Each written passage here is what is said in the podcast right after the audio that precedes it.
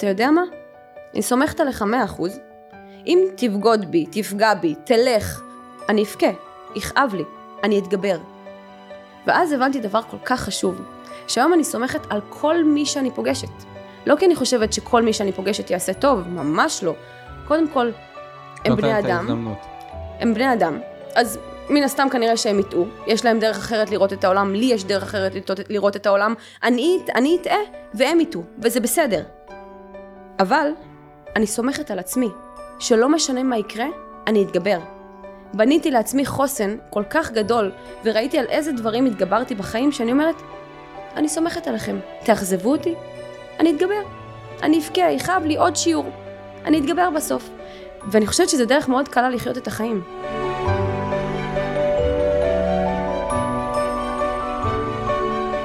טוב, צוריאל, אז איך אנחנו מתחילים את הפודקאסט הזה בכלל? אה, וואו, שאלה טובה. אולי אני אעשה את הפתיח שלי, ואז אתה תעשה את הפתיח שלך ונזרום. יאללה. שלום וברוכים הבאים לפודקאסט נפש לוחמת, הפודקאסט שידבר על תהליכי התפתחות, בריאות הנפש וסיפורים מעוררי השראה. ועכשיו, תורו של צוריאל.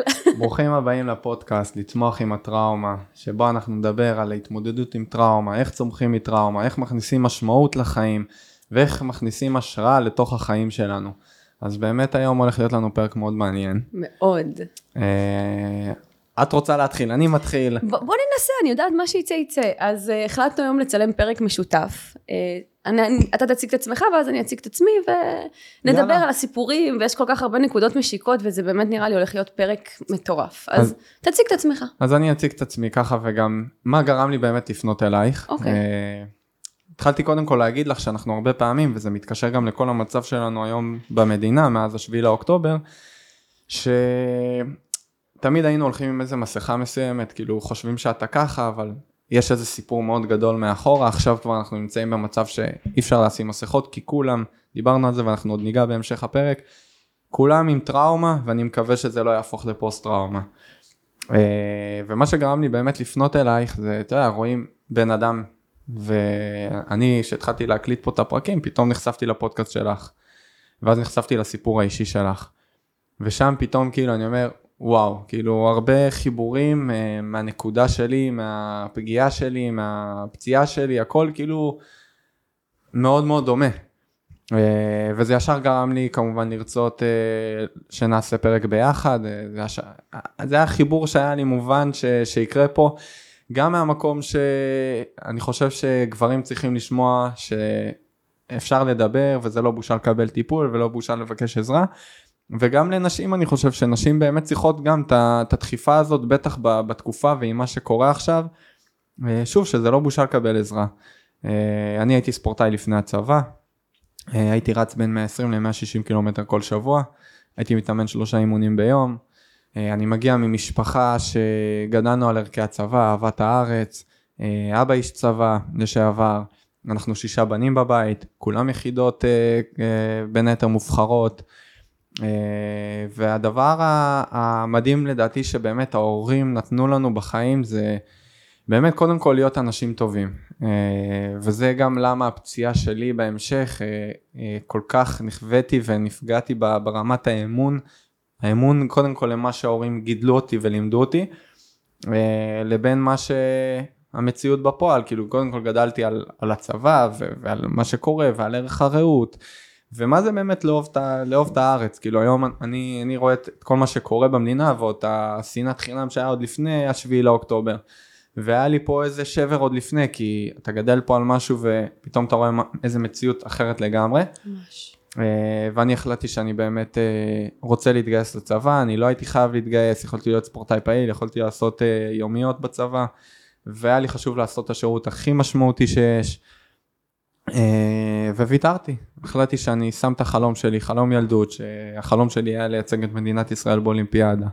הקדשתי באמת את כל הילדות שלי, הייתי קם בתור ילד בשעה חמש, חמש וחצי, יוצא ל-20 קילומטר ריצה כל בוקר, אני לא מכיר הרבה ילדים שעושים את זה.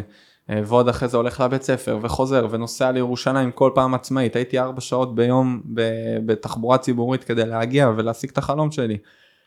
ובאמת הייתי מוכן לעשות הכל, אה, אבל עוד פעם גדלתי על אהבה שהיא, שהיא מאוד מאוד גדולה וידעתי שאני לא יכול לוותר עליה.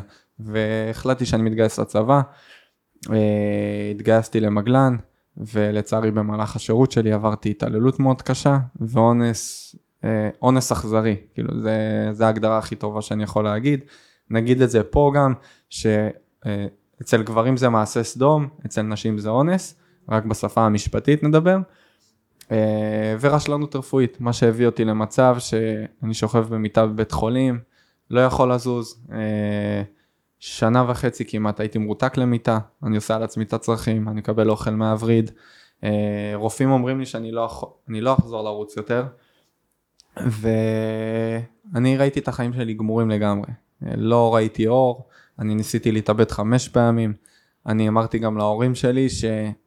אני מבחינתי, אני פצצה מתקתקת, אני, אין לי בעיה למות. אני רוצה למות, אני רוצה את זה, מה שנקרא, ב... אבא אמא, אין לכם ילד יותר, כאילו ככה אמרתי להורים שלי, ולא פחדתי גם להגיד להם את זה. עם כל הכאב, וראיתי את הכאב של ההורים שלי, ואין הורה שיעמוד ככה מנגד ו- ולא יעשה שום דבר. הם, היו בוכים, ושמעתי אותם בוכים בלילה, ואת האחים שלי, ובסוף יש איתי אחים קטנים. אה, אבל לא הייתי מסוגל, לא הייתי מסוגל לחיות עם ה... קודם כל הייתי בהכחשה מסוימת על המקרה של האונס.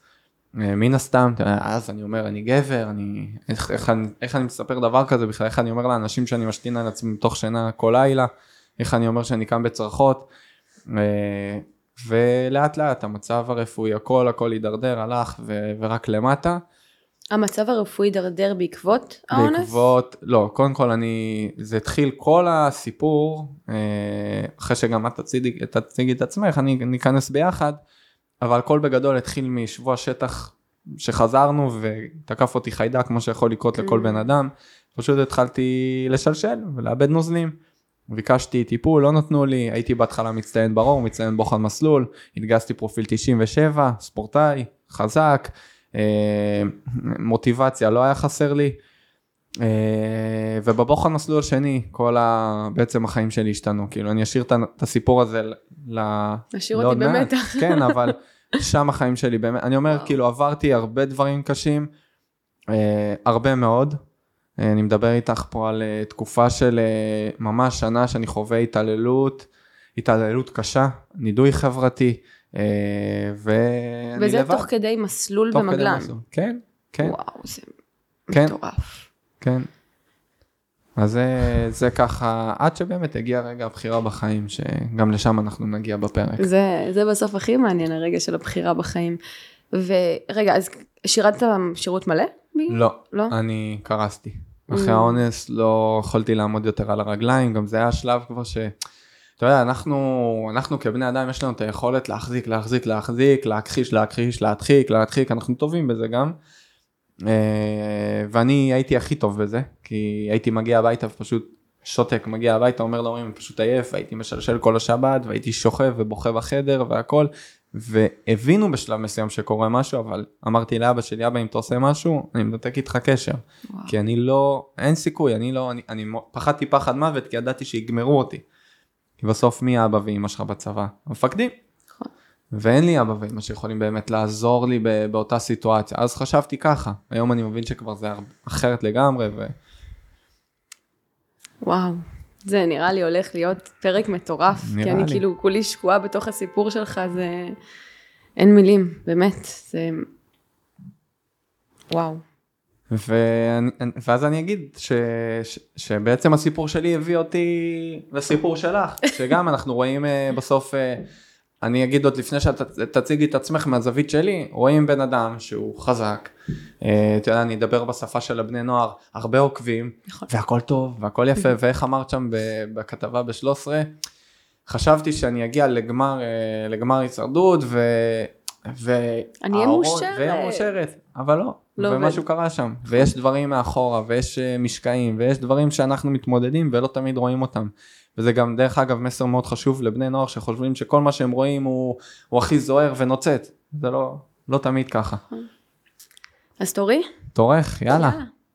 אז uh, אני אורין, אני בת 29, נשואה לגל, um, ואני גם אספר לך למה הסכמתי ככה, תוך שנייה, לבוא להתראיין לפודקאסט שלך ולעשות איתך גם פרק משותף, כי קודם כל, לא, אני בכוונה לא שמעתי את הסיפור שלך לעומק, הבנתי שאתה פוסט-טראומטי, רפרפתי קצת באינסטגרם, אני אוהבת להגיע ככה נקייה לפודקאסטים עם סיפורים מעניינים, אבל את האמת, שזה היה משהו בעיניים שלך. Hmm. שזה היה משהו בעיניים שלך, אני חושבת, ניתן לעצמי קרדיט על זה שאני חושבת שאני יודעת להבין בני אדם, ואמרתי, יש פה משהו שמרגיש לי מאוד מאוד מאוד אמיתי, ואני רוצה לשבת עם הבן אדם הזה. אז אה, לגבי הסיפור שלי, אני uh, התגייסתי לצבא באוגוסט 2012, הייתי בהתחלה ג'ובניקית, ומאוד מאוד רציתי להיות לוחמת. עוד לא הבנתי למה בכלל אני רוצה להיות לוחמת, בטירונות פשוט התאהבתי בנשק, החזקתי נשק, הרגשתי חזקה, אמרתי וואו, אני רוצה להיות לוחמת. התחלתי שם תהליך של שנה, להילחם, להעלות את הפרופיל, אה, להוכיח שאני בסדר למרות שאבא שלי נפטר. ואחרי שנה באמת הצלחתי לעבור לחילוץ והצלה ורציתי קריירה צבאית להיות בצבא כל חיי כי הרגשתי כוח. והחיים כמובן היו אחרת. וב-2013 כשעברתי לחילוץ והצלה בטירונות הקושי גם הפיזי גם הנפשי הבן זוג שלי עזב אותי אחרי שלוש שנים שהיינו ביחד ואבא שלי נפטר ואז לא הבנתי אבא שלי היה הבן אדם שאני הכי אוהבת בעולם ואנחנו תכף נצלול ללמה זה כל כך מורכב והמצב הנפשי שלי פשוט באמת הידרדר, אבל החזקתי את המסכה הזאת של הכל טוב, ואני לוחמת, ואני רוצה להיות לוחמת, כל כך חזק, והמפקדים ראו בי איזשהו משהו להיות אה, מפקדת במסלול כוכבים, ואני רק בראש שלי, יואו, איך עבדתי עליהם. וכל ה, מה שהיה בחוץ, לעומת מה שיש בפנים, היה שונה לחלוטין, וזה דרך מאוד מאוד קשה לחיות בה. אבל משהו בצבא לקח אותי לקיצון השני. לפני הצבא הייתי ילדה מפוחדת. שלא נוסעת באוטובוסים, לא מדברת עם אנשים כל כך, אמ, מודאגת מכל דבר קטן שזז, נורא מפוחדת בגדול מהחיים, לא סומכת על בני אדם. והצבא לקח אותי לקיצון השני. הצבא לקח אותי לאגרסיביות, אפילו לאלימות, להיות אה, נורא מוחצנת, מדברת נורא חזק וצועקת נורא חזק. ואני מבחינתי הרגשתי מלא כוח, אמרתי הנה עכשיו אני חזקה, עכשיו אני יכולה להראות החוצה שאני חזקה ואני לא יותר הילדה הזאת שנפגעה ואפשר לעשות בה מה שרוצים. אבל אז מסיימים את הצבא. הכל מתפוצץ. כן, ואז הסטירת לחי הזאת שאני נפלתי מקורס מ"כים, מאוד רציתי להפיל את עצמי באופן לא מודע כדי להוכיח לכולם שאני גרועה ולא מבינה מה ראיתם. והייתי צריכה אחרי הקורס מ"כים להמשיך לקורס קצינים ולהיות ישר אה, מפקדת לוחמת ומאוד מאוד רציתי מצד אחד, מצד שני לא האמנתי בעצמי שאני יכולה לעשות דבר כזה או לקחת אחריות על אנשים אחרים. ובסוף, ה... בברור האחרון של הקורס מ"כים התרסקתי על הרצפה וממש לא יכולתי להמשיך ואז הייתי שם בעוד איזה תפקיד מנוחה ואמרתי כאילו וואי אני, אני לא רוצה להיות ג'ובניקית עשיתי את כל המעבר הזה לא כדי להיות ג'ובניקית. אז מה עושים? נלחמתי להיות בחפ"ק מג"ד אז לא רצו נשים בחפ"ק מג"ד ונלחמתי ככה טוב טוב איזה חודש כדי להגיע לחפ"ק מג"ד והייתי uh, הקשרית הראשונה בחטיבה. וזאת הייתה באמת תקופה מדהימה של שמונה חודשים גם היה לי מפקד מאוד קשוב וזה באמת הלך מצוין. ואחרי השמונה חודשים האלה כשהגיע סיום השירות דברים מתחילים להתפוצץ לך בפנים ואז התחלתי לחפש, אה, ללכת במסלול של כולם, אמרתי לעצמי וואו, כבר איבדתי שנה מהזמן הזה שכולם כבר משתחררים, חשבתי שיש איזושהי תחרות שכולם משתתפים בה. מרוץ החיים. בדיוק. והתחלתי לחפש תואר בראיית חשבון, ממש לא מעניין, והתחלתי לחפש כל מיני תארים וכלום לא מעניין אותי. ואז אני אומרת, אה, מה, אני נולדתי בלי שום מקום בעולם? אני נולדתי בלי שיהיה לי איזשהו מקצוע לעתיד, אני רואה את כולם, זה נראה שלכולם יש מקצוע טוב, והם יודעים מה הם עושים, והנה זה עורך דין, וזה רואה חשבון, וזאת מורה, ו- ורק אני לא מוצאת בשום מקום את עצמי, אז התחלתי לראות לכל הכיוונים, והלכתי ללמוד נדל"ן, וניהול בסיסי נתונים, ורכיבה מערבית על סוסים, ובשום מקום לא הרגשתי טוב, חוץ מהמטווח. כל פעם שהלכתי למטווח הרגשתי עוצמה, הרגשתי חזקה, ובאותה תקופה גם בצבא התחלתי להעלות תמונות לאינסטגרם עם נשק וזה לא היה מקובל כמו היום זה היה איזה 2014 אז זה היה כאילו נורא מוזר שבחורה שנראית טוב גם מעלה תמונות עם נשק ולוחמת זה עבד והיה לי איזה 15 אלף עוקבים. ולאט לאט uh, התחלתי להתעסק רק בנשק. ושאלו אותי כל הזמן בכתבות אורין למה שילדה חמודה כמוך תאהב נשק? זה נורא נורא מוזר ותלוש מהמציאות. ולי כמובן שלא היה הסבר כי לא הכרתי את עצמי ואמרתי לא יודעת, כי זה סוג של כוח, כי ככה אני יכולה להגן על עצמי. ואז... משפט חשוב. מאוד, מאוד. ואז החיים היו נראים בהתאם. האפים והדאונים היו קיצוניים מאוד. אני חושבת שהדבר היחיד שהחזיק אותי מלא לחוות איזושהי התפרצות מאוד מאוד קשה של פוסט טראומה זה באמת זה שהאמנתי שבקצה יש איזושהי שלווה כזאת שאפשר להגיע אליה, וכל הזמן חיפשתי אותה. ומערכות יחסים באותה תקופה כמובן אלימות. לא עובדות, לא מאמינה במערכות יחסים, לא מאמינה בבני אדם. עדיין, עכשיו הקיצוניים שלי הלכו מהילדה המפוחדת מאוד לילדה האלימה הקיצונית האגרסיבית הזאתי. כאילו כל הטריגרים קפצו. בדיוק, כל דבר הקפיץ טריגר וזה היה כאילו ממש בלתי נסבל לחיות ככה, הווליומים היו מאוד מאוד גבוהים. ואז אה, בחסד אלוהים, כשכבר באתי לוותר על הכל, ולהגיד כאילו, לא רוצה יותר. הנה, הלכתי לגמר הישרדות. הייתי בטוחה שבגמר הישרדות אני אהיה הכי מאושרת. הנה, רוצים להצטלם איתי, אוהבים אותי, מגיבים לי, אומרים לי שאני הכי טובה שיש. למה עדיין בא לי למות? ואז גם מערכות יחסים לא עובדות, בלשון המעטה. אני אומרת, די, קוסומו, אין לי שליחות בעולם הזה. אני לא מבינה מה אני בכלל עושה בעולם הזה. פרסום לא עובד, כסף לא עובד, מערכות יחסים לא עובדות, חברות רק עוזבות אותי. מה קורה פה, כאילו? וכל הדבר הזה לא לקח אותי אפילו לשנייה להסתכל פנימה. כי לימדו אותי לא להסתכל פנימה. ואז בעלי נכנס לחיי. Mm. ככה בשקט, באיזון שלו, הוא היה ממש כוס הרבה יותר ריקה ממה שאני הבאתי איתי. אני חייב לעצור ולהגיד עוד שנייה שנחזור לגל, נכון? כן. אני לא אמרתי, אבל הנה עוד מחנה משותף, כי את אומרת, עד שבעלך נכנס לחיים, אותו דבר עד שאשתי נכנסה לחיים עדי. זה כיף. ואנחנו עוד שניה נדבר על זה גם, כי אני חושב שאת בלי הבן זוג ואני בלי הבת זוג, אי אפשר לעשות את זה, כי נכון. חשוב להבין ש... בלי סביבה תומכת זה קשה מאוד, על גבול הבלתי אפשרי, כי אין, אין מישהו שמראה לך שאפשר אחרת. וזה, אני, אני באמת חושבת שזאת השגחה. זה שקיבלנו בני זוג שמסוגלים להכיל דברים כל כך קשים, אני לא יודעת אם עדי באה עם איזשהו משהו משלה יותר מדי, אבל גל, אתה יודע, חיים נורמליים יחסית, מבית טוב, משפחה טובה, עמידים, לא, לא חווה איזשהו משהו, ופתאום הוא מקבל מטען. שהוא לא דמיין בכלל, עם חובות כלכליים, עם מניפולציות, שקרים, הייתי הבחורה באמת מאוד מאוד בעייתית, ו... ככל שהתקדמתי לא איתו... לא בעייתית, אני חושב שניגע בנקודה הזאת, לא בעייתית, היית אבודה עם הדבר כן, הזה. כן, אבל זה יצא החוצה כמאוד בעייתית, כי אתה יודע, בן אדם בא מולך ורוצה לתת לך את כל העולם, ואתה קודם כל לא בטוח שאתה בכלל מוכן לקבל, אתה לא מאמין לו, אתה כל הזמן בודק אותו. כמה, כמה בן אדם יכול לשאת את זה? כמה בן אדם יכול לשאת את זה שהוא, שהוא פותח את הטלפון והוא רואה שיחה עם גבר אחר? זה, זה מאוד מאוד קשה. אלא אם כן הוא רואה את איזשהו ניצוץ קטן ובאמת מאמין שיש צפי לשינוי זה מאוד מאוד קשה, ואז המערכת היחסים שלנו התחילה. ובמקום שהיא תתחיל בלוי דווי והכל טוב והכל זה, המערכת היחסים הייתה מאוד מאוד קשה. ועם מניפולציות, ועם שקרים, ו- ואני לא האמנתי למילה שהוא אומר לי, והוא אומר לי, אני רוצה להיות איתך בתהליך שלך, ואני אומרת לו, אל תשקר. אתה איתי כי אתה רוצה מה, את הפרסום שלי? את הכסף שלי? הוא אומר לי, אורין, איזה כסף? את בחובות. ואיזה פרסום? עד היום אף אחד לא יודע מי זה גל עמנואל. ו... ואז גם באותה תקופה, הוא, הוא פשוט כל הזמן הוכיח, הוכיח, אמר לי אין בעיה, את רוצה שאני אוכיח? אני אוכיח, אני אוכיח. ובאותה תקופה הייתי גם מושכת בצורה מאוד אגרסיבית בשיער, ממש תולשת את השיער מהראש. ואמרתי לעצמי, טוב, הנה, זה עוד אחד מהדברים האלה, שאני בחורה... סוג של התקף. כן, בחורה בעייתית, אימפולסיבית, לא יכולה לשלוט אפילו על עצמי, אז על אחרים מאוד מאוד היה קשה. וגם כל הסביבה שלי, הפחות טובה נקרא לזה, היו יוצאים עליי, היו אומרים לי, יא מטומטמת, תראי איך את לא יכולה לשלוט על הידיים שלך, די, זה בלתי נסבל. ואני באמת האמנתי לכל מה שאמרו, עד שיום אחד בעיר כתבתי בגוגל תלישת שיער אובססיבית. התחלתי לקרוא. בדיוק באתי להגיד לצופים שלרוב אה, תלישת שיער מהווה על פגיעה מינית.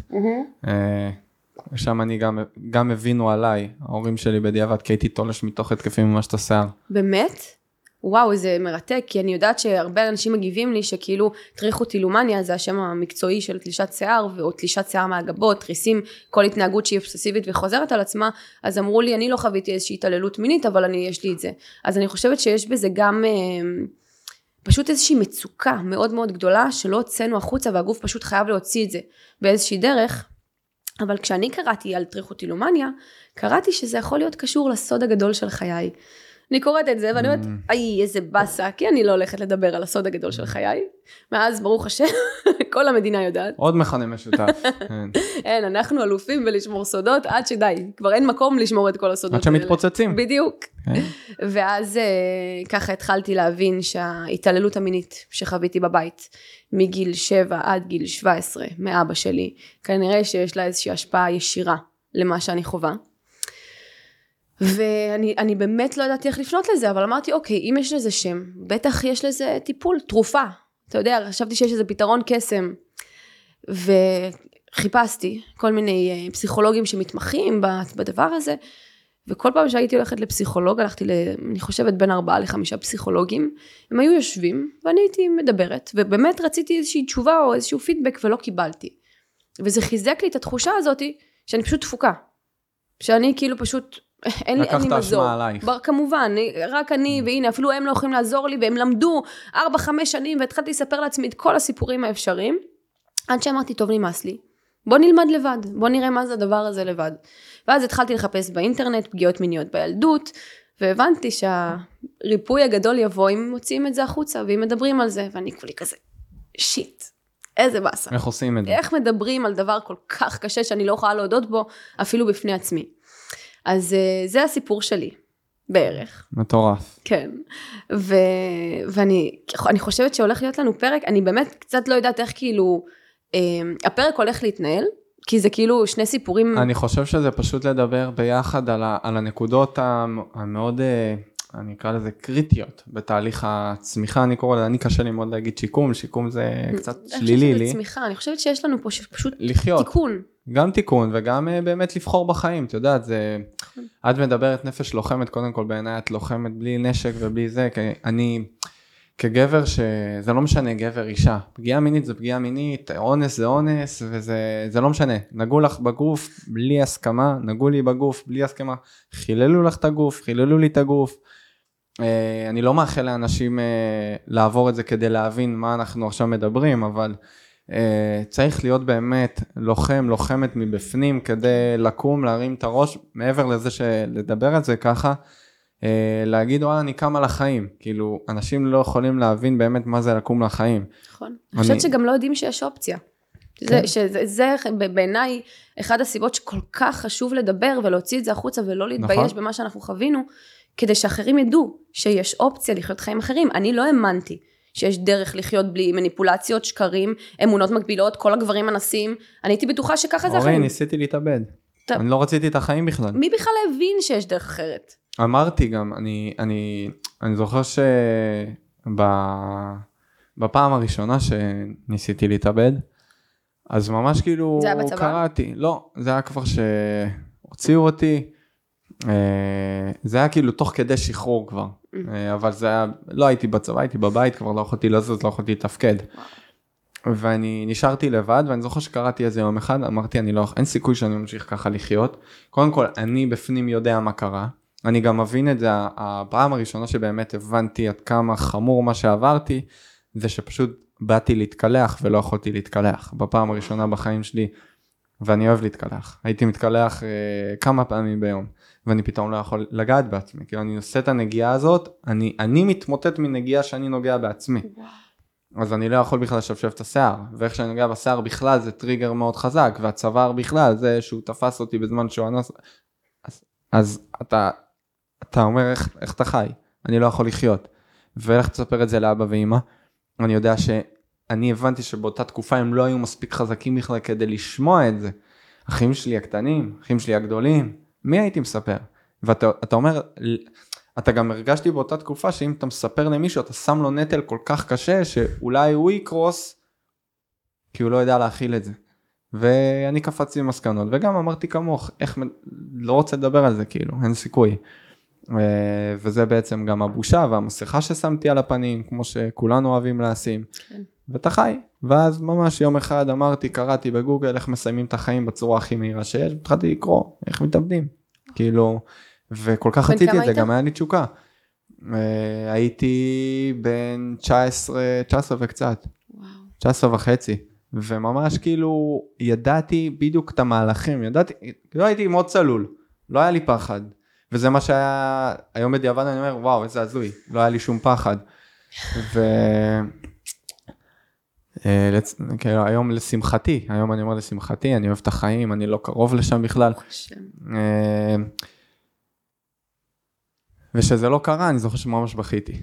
כאילו, וכעסתי על אלוהים, אמרתי, איך אתה עושה לי את זה, איך אתה משאיר אותי בחיים? כאילו, איך? אני לא רוצה להיות פה בכלל, אני לא מסוגל לחיות עם זה יותר. ו... ואז מפה בעצם יצאנו לאיזה מסע.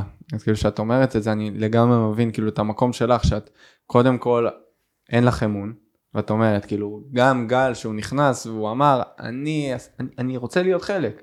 אז אני יודע מה מדברת, כי גם כשהמשפחה שלי אמרו, אמרתי להם, אני לא סומך אפילו על המשפחה שלי, על אף אחד, פשוט לא שמחתי.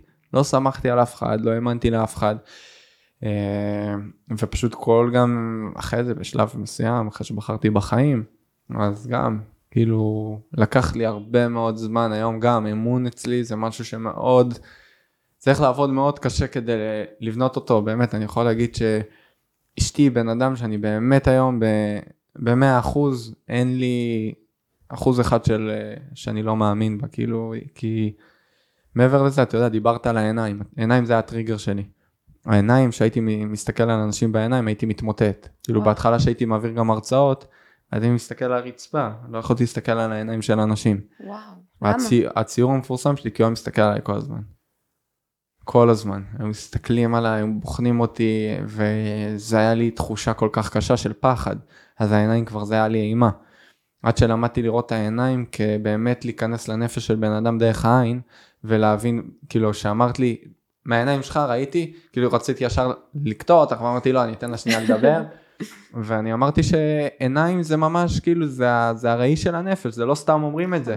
לא סתם אני ידעתי בדייט הראשון שאני מתחתן עם אשתי, בזכות העיניים. יואו, זה, תקשיב, יש פה כל כך הרבה נקודות שאני כאילו בא לי כל שניה לקטוע אותך, היי, גם אני, גם אני. אבל תקטעי. אנחנו צריכים לקטוע. תקשיב, זה מדהים, הכ- הכעס על אלוהים נגיד, זה, זה, תקש...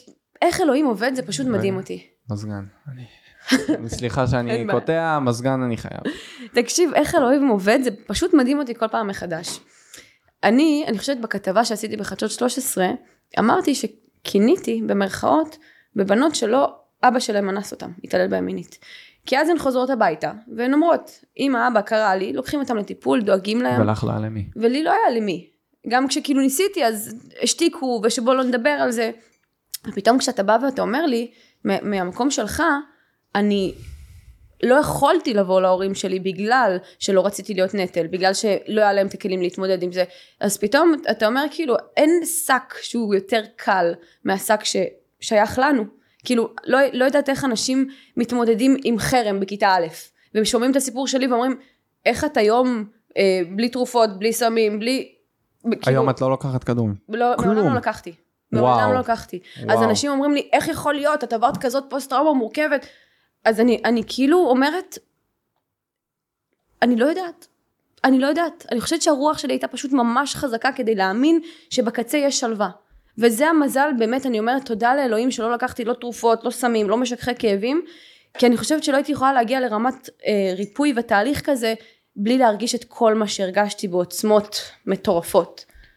את יודעת, אני, אני חייב באמת לשאול אותך, את יודעת, היום קודם כל אני אבא. אה, נולדה לי בת לפני תשעה חודשים. כן, שהיא הנס שלי. אני. אומר, מהמוות הבאתי חיים לעולם. ואני מסתכל עליה, ואני, יש לי, שב... יש לי שבועה עם נויה, שאני, כל בוקר שאני מחזיק אותה, אני פשוט רועד, ואני אומר לה, כל בוקר אני לוקח אותה, משתדל לקחת אותה מהמיטה, ואם אשתי קמה לפניי, למרות שלרוב אני משתדל להיות זה שקם בבוקר ישר, אני פשוט מחזיק אותה, ואני אומר לה, נויה, אבא יעשה הכל כדי שהעולם הזה יהיה מקום טוב יותר עבורך ועבור כל הילדים. אה, וזה שבועה. אה, אז אני כאבא, את יודעת, אני, את אומרת שאבא שלך פגע בך. אה, את יודעת, אני לא יודע, כי אני מחפש את השאלה שאני באמת רוצה לשאול אותך, איך באמת הצלחת לתת היום, הרי היום בגל אני מאמין שאת נותנת אמון. מיליון אחוז. איך מצליחים? כי את יודעת, עזבי, זה לא... אני נכון, אני גם בצבא, ועם מפקד יוצאים לקרב בסוף והכל. פה זה אבא. פה זה אבא, זה הכל, אבא זה הכל. כן. כאילו, אני, אני, נויה, היא יודעת שאני הביטחון שלה. ואבא זה ביטחון של, בטח, דרך אגב, אומרים הבנות הן של האבא בדרך כלל. נכון. ו... את יודעת, אני שמעתי ו... גם בזה השתמשו כמניפולציה נגדי. נכון. אני, והבנות הן של האבא. אז זה משהו שכאילו הייתי שומעת בבית כדי לחזק. צריך להבין שכדי שההתעללות המינית הזאת תקרה, היו צריכים לקרות המון מניפולציות ברור. רגשיות ו... ועבודה פסיכולוגית מטורפת. אני פחדתי מכל מה שזז, אני האמנתי שיש שדים בכל מקום, שאסור לי לישון לבד כי השד בלילה יהרוג אותי, דברים חולניים של ילדה בת שבע שלא מבינה את החיים, אבא אומר דברים כאלה, אז כנראה שאבא צודק. ואבא אומר שאלוהים אוהב אותו, אז בטח שאני לא רוצה להתעסק עם אלוהים. ואתה יודע, לכל דבר שקרה היה סיבה הגיונית. במרכאות הגיונית, כי בכל עיוות חולני יש היגיון. לא- לאותו תוקף חולני מתוך המחלה שלו, יש איזשהו היגיון, וכשאתה ילד בן שבע, אתה, אתה לא מבין מה נכון ומה לא נכון. ואיך נתתי אמון? אז אני קודם כל, עד גל, לא נתתי אמון בשום בן אדם בעולם. כלום. לא כנ"ל. בעצמי. כנ"ל דרך אי אגב. אפשר, אתה כאילו, הכל מתערער לך, אתה, כלום, בני אדם זה הדבר הכי מסוכן שיש. וגל הגיע, וגם אמרתי לו, אני לא סומכת עליך ואני בחיים לא הוא אסמוך עליך. ידע את הסיפור? הוא כן, הוא- אני, אני כבר היה, חשוב. זה, זה היה כבר, אה, אני חושבת שהיו כבר כמה אנשים סביבי שכן ידעו, אה, אפילו הוא היה ילד בבית ספר שסיפרתי לו, אבל הוא לא יכל לעשות עם זה כלום כמובן. אני חושב שגם אם, אם נעצור רגע וניתן באמת קודם כל המאזינים שזה יגיע אליהם ואורין לצערי הרב אה, היום זה דבר מאוד לצערי ואני אומר את זה בכאב גדול נפוץ מאוד. אצל גברים אני אחרי הכתבה שלי פנו אליי מעל 80 גברים שנאנסו בצבא מטורף. אז אני רק אומר לך בצבא גברים וחשוב להגיד ש... את יודעת אה, אה,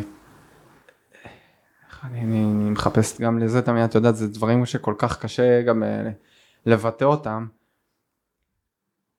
שזה משהו שקורה ו- ו- ו- ולדבר על זה כמה שיותר מהר, אה, כי זה יכול להציל את החיים. נכון. אה, זה משהו שיכול לקרות לצערנו. אה, אתה יודע, אני, אני, אני שומע את הסיפור שלך, אתה יודע, את אומרת לי, יש לך הרבה שאלות, אני, יש לי כאב מאוד גדול, כי מה שאותי תפס בסיפור שלך זה גם כי אני היום אבא, אה, וגם כי, וואו, אני, אני אומר, הילדה הזאת שהייתה לבד, איזה כאב גדול סחבת. כן, אה. ואתה לא יודע שיש דרך אחרת, כי אף אחד לא תופס לך את היד בגיל שבע ואומר לך, זה לא בסדר מה שעושים לך, בוא נלך מהבית. וגם אין לך לאן לחזור כזה. אין. אין, זה או להיפגע בבית או להיפגע ברחוב. אז עדיף כבר להיפגע בבית, לפחות יש לי קור- קורת גג. אז זה, זה היה, זה היה המון כאילו, מחשבות של כאילו, לאן אני אלך? גם ככה כל הזמן אומרים לי שהעולם בחוץ מסוכן. גם פה מסוכן, אין לי מקום בעולם, וזו תחושה שכל הזמן ליוותה אותי. ואתה יודע, מן הסתם אמון, בטח לא באימא, בטח לא באחים שלי, לא במורים שלי, לא בהורים של הילדים שכאילו הרחיקו את הילדים שלהם ממני, אין אמון באף אחד. ואז כשגל נכנס והוא שמע את הסיפור הזה, עכשיו אני אשים פה אנקדוטה למה שאמרת, זה, זה טריקי. כי כשאני שיתפתי נגיד עם האקסים שלי את הסיפור, כי שיתפתי, רציתי מזור לנפש הכואבת שלי מאוד, היו פעמים שהשתמשו בזה נגדי. ואני לא ידעתי... עשו לך טובה אבל. חד משמעית, היום מה? כן. אבל, אבל אני לא ידעתי עדיין גם אז מה נכון ולא נכון, וכל אחד שרצה לעשות לי סיבוב הכי קטן, מניפולציה הכי קטנה, אני ככה הייתי נופלת. אז צריך לשתף, צריך לדעת את מי. כן, אבל הבעיה זה שלא יודעים. אתה מבין את הבעיה? את יודעת, אני היום פשוט מבין שמסתכל אחורה על אה, עדי. אני בדייט הראשון, יודע, הגעתי עם כלבת שירות, עם אווה, אז אני... רואים, יש משהו. נכון. אז אמרתי, אני נכה צה"ל. אה, ככה וככה, אמרתי, עברתי התעללות, זהו, זה... זה מה שנגעתי, לא אמרתי על זה, כי עברתי גם רגע, לאט לאט, אי אפשר גם לבוא אל בן אדם, בום, סיפור, זה גם. היה לפני החשיפה. אה, אבל אני היום יודע שאם אתה באמת רוצה זוגיות, ואם אחרי כמה דייטים אתה מבין שיש משהו, קודם כל זה לא הוגן כלפי הצד השני, להסתיר. נכון. ואני אמרתי, אני ביום שאמרתי לעדי, גם אמרתי לה את זה בפנים, אל תרגישי לא נעים או חלילה לרחם עליי, בש- להישאר איתי, כי אני יודע שאני מספר לך משהו, שגם אני בעצמי לא יודע אם אני הייתי מסוגל להכיל צד שני, ככה. אה, בוא- ולהיות הוגן, כי אני, אני חייב להיות הוגן. זה, זה- לא פשוט, בטח שאני מקבל לה התקפים ואני, בואי, יושב הגבר בבית קפה ומתמוטט בבית קפה. לא זה פשוט. לא דבר רגיל. לא. אבל אני יודע שהכנות היא מה שמביאה באמת זוגיות אמיתית. נכון. ואני אמרתי לה והסתכלתי לה בעיניים וסיפרתי לה את הסיפור ואני זוכר היא בכתה והיה לה מאוד קשה, ועוד גם אחרי שסיפרתי, אז זה היה גם תקופה שכל פעם שהייתי נוגע הייתי חוטף התקפים של החיים, התפרקתי על הרצפה. ואז בכלל היא ראתה את זה בלייב בעוצמה מאוד קשה, ואני לא אשכח את זה שקמתי ולא ראיתי אותה, קמתי מההתקף, היא יצאה מהשירותים, והיא אמרה לי, אני נותנת לזה צ'אנס. ואז השאר, השאר היסטוריה, הרבה מאוד עבודה. כיף, איזה השגחה פרטית, זה כן. מדהים. אז אני, אני, אני אסכים איתך ואני אגיד שאני חושבת שמזל ששיתפתי את כל האקסים שלי, ומזל שניסיתי למצוא מישהו שיעזור, כי בסוף הגיע. אתה מבין? אז כאילו אני אומרת, אם הייתי מחזיקה את זה ולא מספרת לגל למה אני כל כך במרכאות, אני אומרת, תפוקה, ועושה בל- בלאגנים והגיע ובעיות. אחד הנכון גם, בדיוק. זה לא רק הגיע. אני, אני חושבת שעדיף להיפגע. עדיף לנסות ולהיפגע, כי בסוף אתה יודע שאתה נתת הכל ואתה פתחת, אז יגיע המישהו הנכון הזה בסוף. והיה קשה לתת אמון. אני גם כל הזמן הייתי אומרת לו, תשמע, לא משנה מה תעשה, בחיים לא תקבל את האמון שלי. בחיים. אז הוא אמר לי, למה? אני פה כדי להוכיח. אמרתי לו, זה לא משנה, אני לא יכולה לסמוך על עצמי, אתה רוצה שאני אסמוך עליך? ואז זה פשוט היו לילות שלמים שאני הייתי עוברת לו על הטלפון עד שתיים וואו. שלוש בבוקר למה אין פה שיחות עם בחורות זה נראה לי מה הוא מסתיר כל כך טוב אין תמונות אין כאילו לא יכול להיות שהוא לא מסתיר משהו וככה במשך איזה שנה בודקת לו כל לילה את הטלפון וכלום והטלפון שלי פתוח והמחשב שלו פתוח וקחי את כל הסיסמאות להכל הכל בסדר הנה בבקשה ואני פשוט לא מסוגלת ואז אה, אחרי שבאמת אה, התעייפתי כבר, ממש התעייפתי מ- מלבדוק לו את הטלפון כל לילה, אמרתי לו תקשיב, אני סומכת עליך 90 אחוז, וזה הכי הרבה שאני אסמוך עליך אי פעם, אבל ה-10 אחוז האלה נתנו לי את הסיבה לשבת כל לילה על הטלפון שלו. ואז העליתי את האחוזים, אמרתי לו תקשיב אני סומכת עליך 99 אחוז, אבל אז השארתי לעצמי את האחוז שהחזיק אותי כל לילה ערה כדי לבדוק לו את הטלפון. ואיפה אתה, ומה אתה עושה, ולמה, וכמה. עד שאמרתי, חלאס, אתה יודע מה? אני סומכת עליך מאה אחוז. אם תבגוד בי, תפגע בי, תלך, אני אבכה, יכאב לי, אני אתגבר. ואז הבנתי דבר כל כך חשוב, שהיום אני סומכת על כל מי שאני פוגשת. לא כי אני חושבת שכל מי שאני פוגשת יעשה טוב, ממש לא. קודם כל, הם בני אדם, ההזדמנות. הם בני אדם. אז מן הסתם כנראה שהם יטעו, יש להם דרך אחרת לראות את העולם, לי יש דרך אחרת לראות- את העולם, אני, אני אטעה והם יטעו, וזה בסדר. אבל אני סומכת על עצמי, שלא משנה מה יקרה, אני אתגבר. בניתי לעצמי חוסן כל כך גדול, וראיתי על איזה דברים התגברתי בחיים, שאני אומרת, אני סומכת עליכם, תאכזבו אותי, אני אתגבר. אני אבכה, יכאב לי עוד שיעור, אני אתגבר בסוף. ואני חושבת שזה דרך מאוד קלה לחיות את החיים. קודם כל זה גם נקודת הסתכלות בסוף, את יודעת, זה...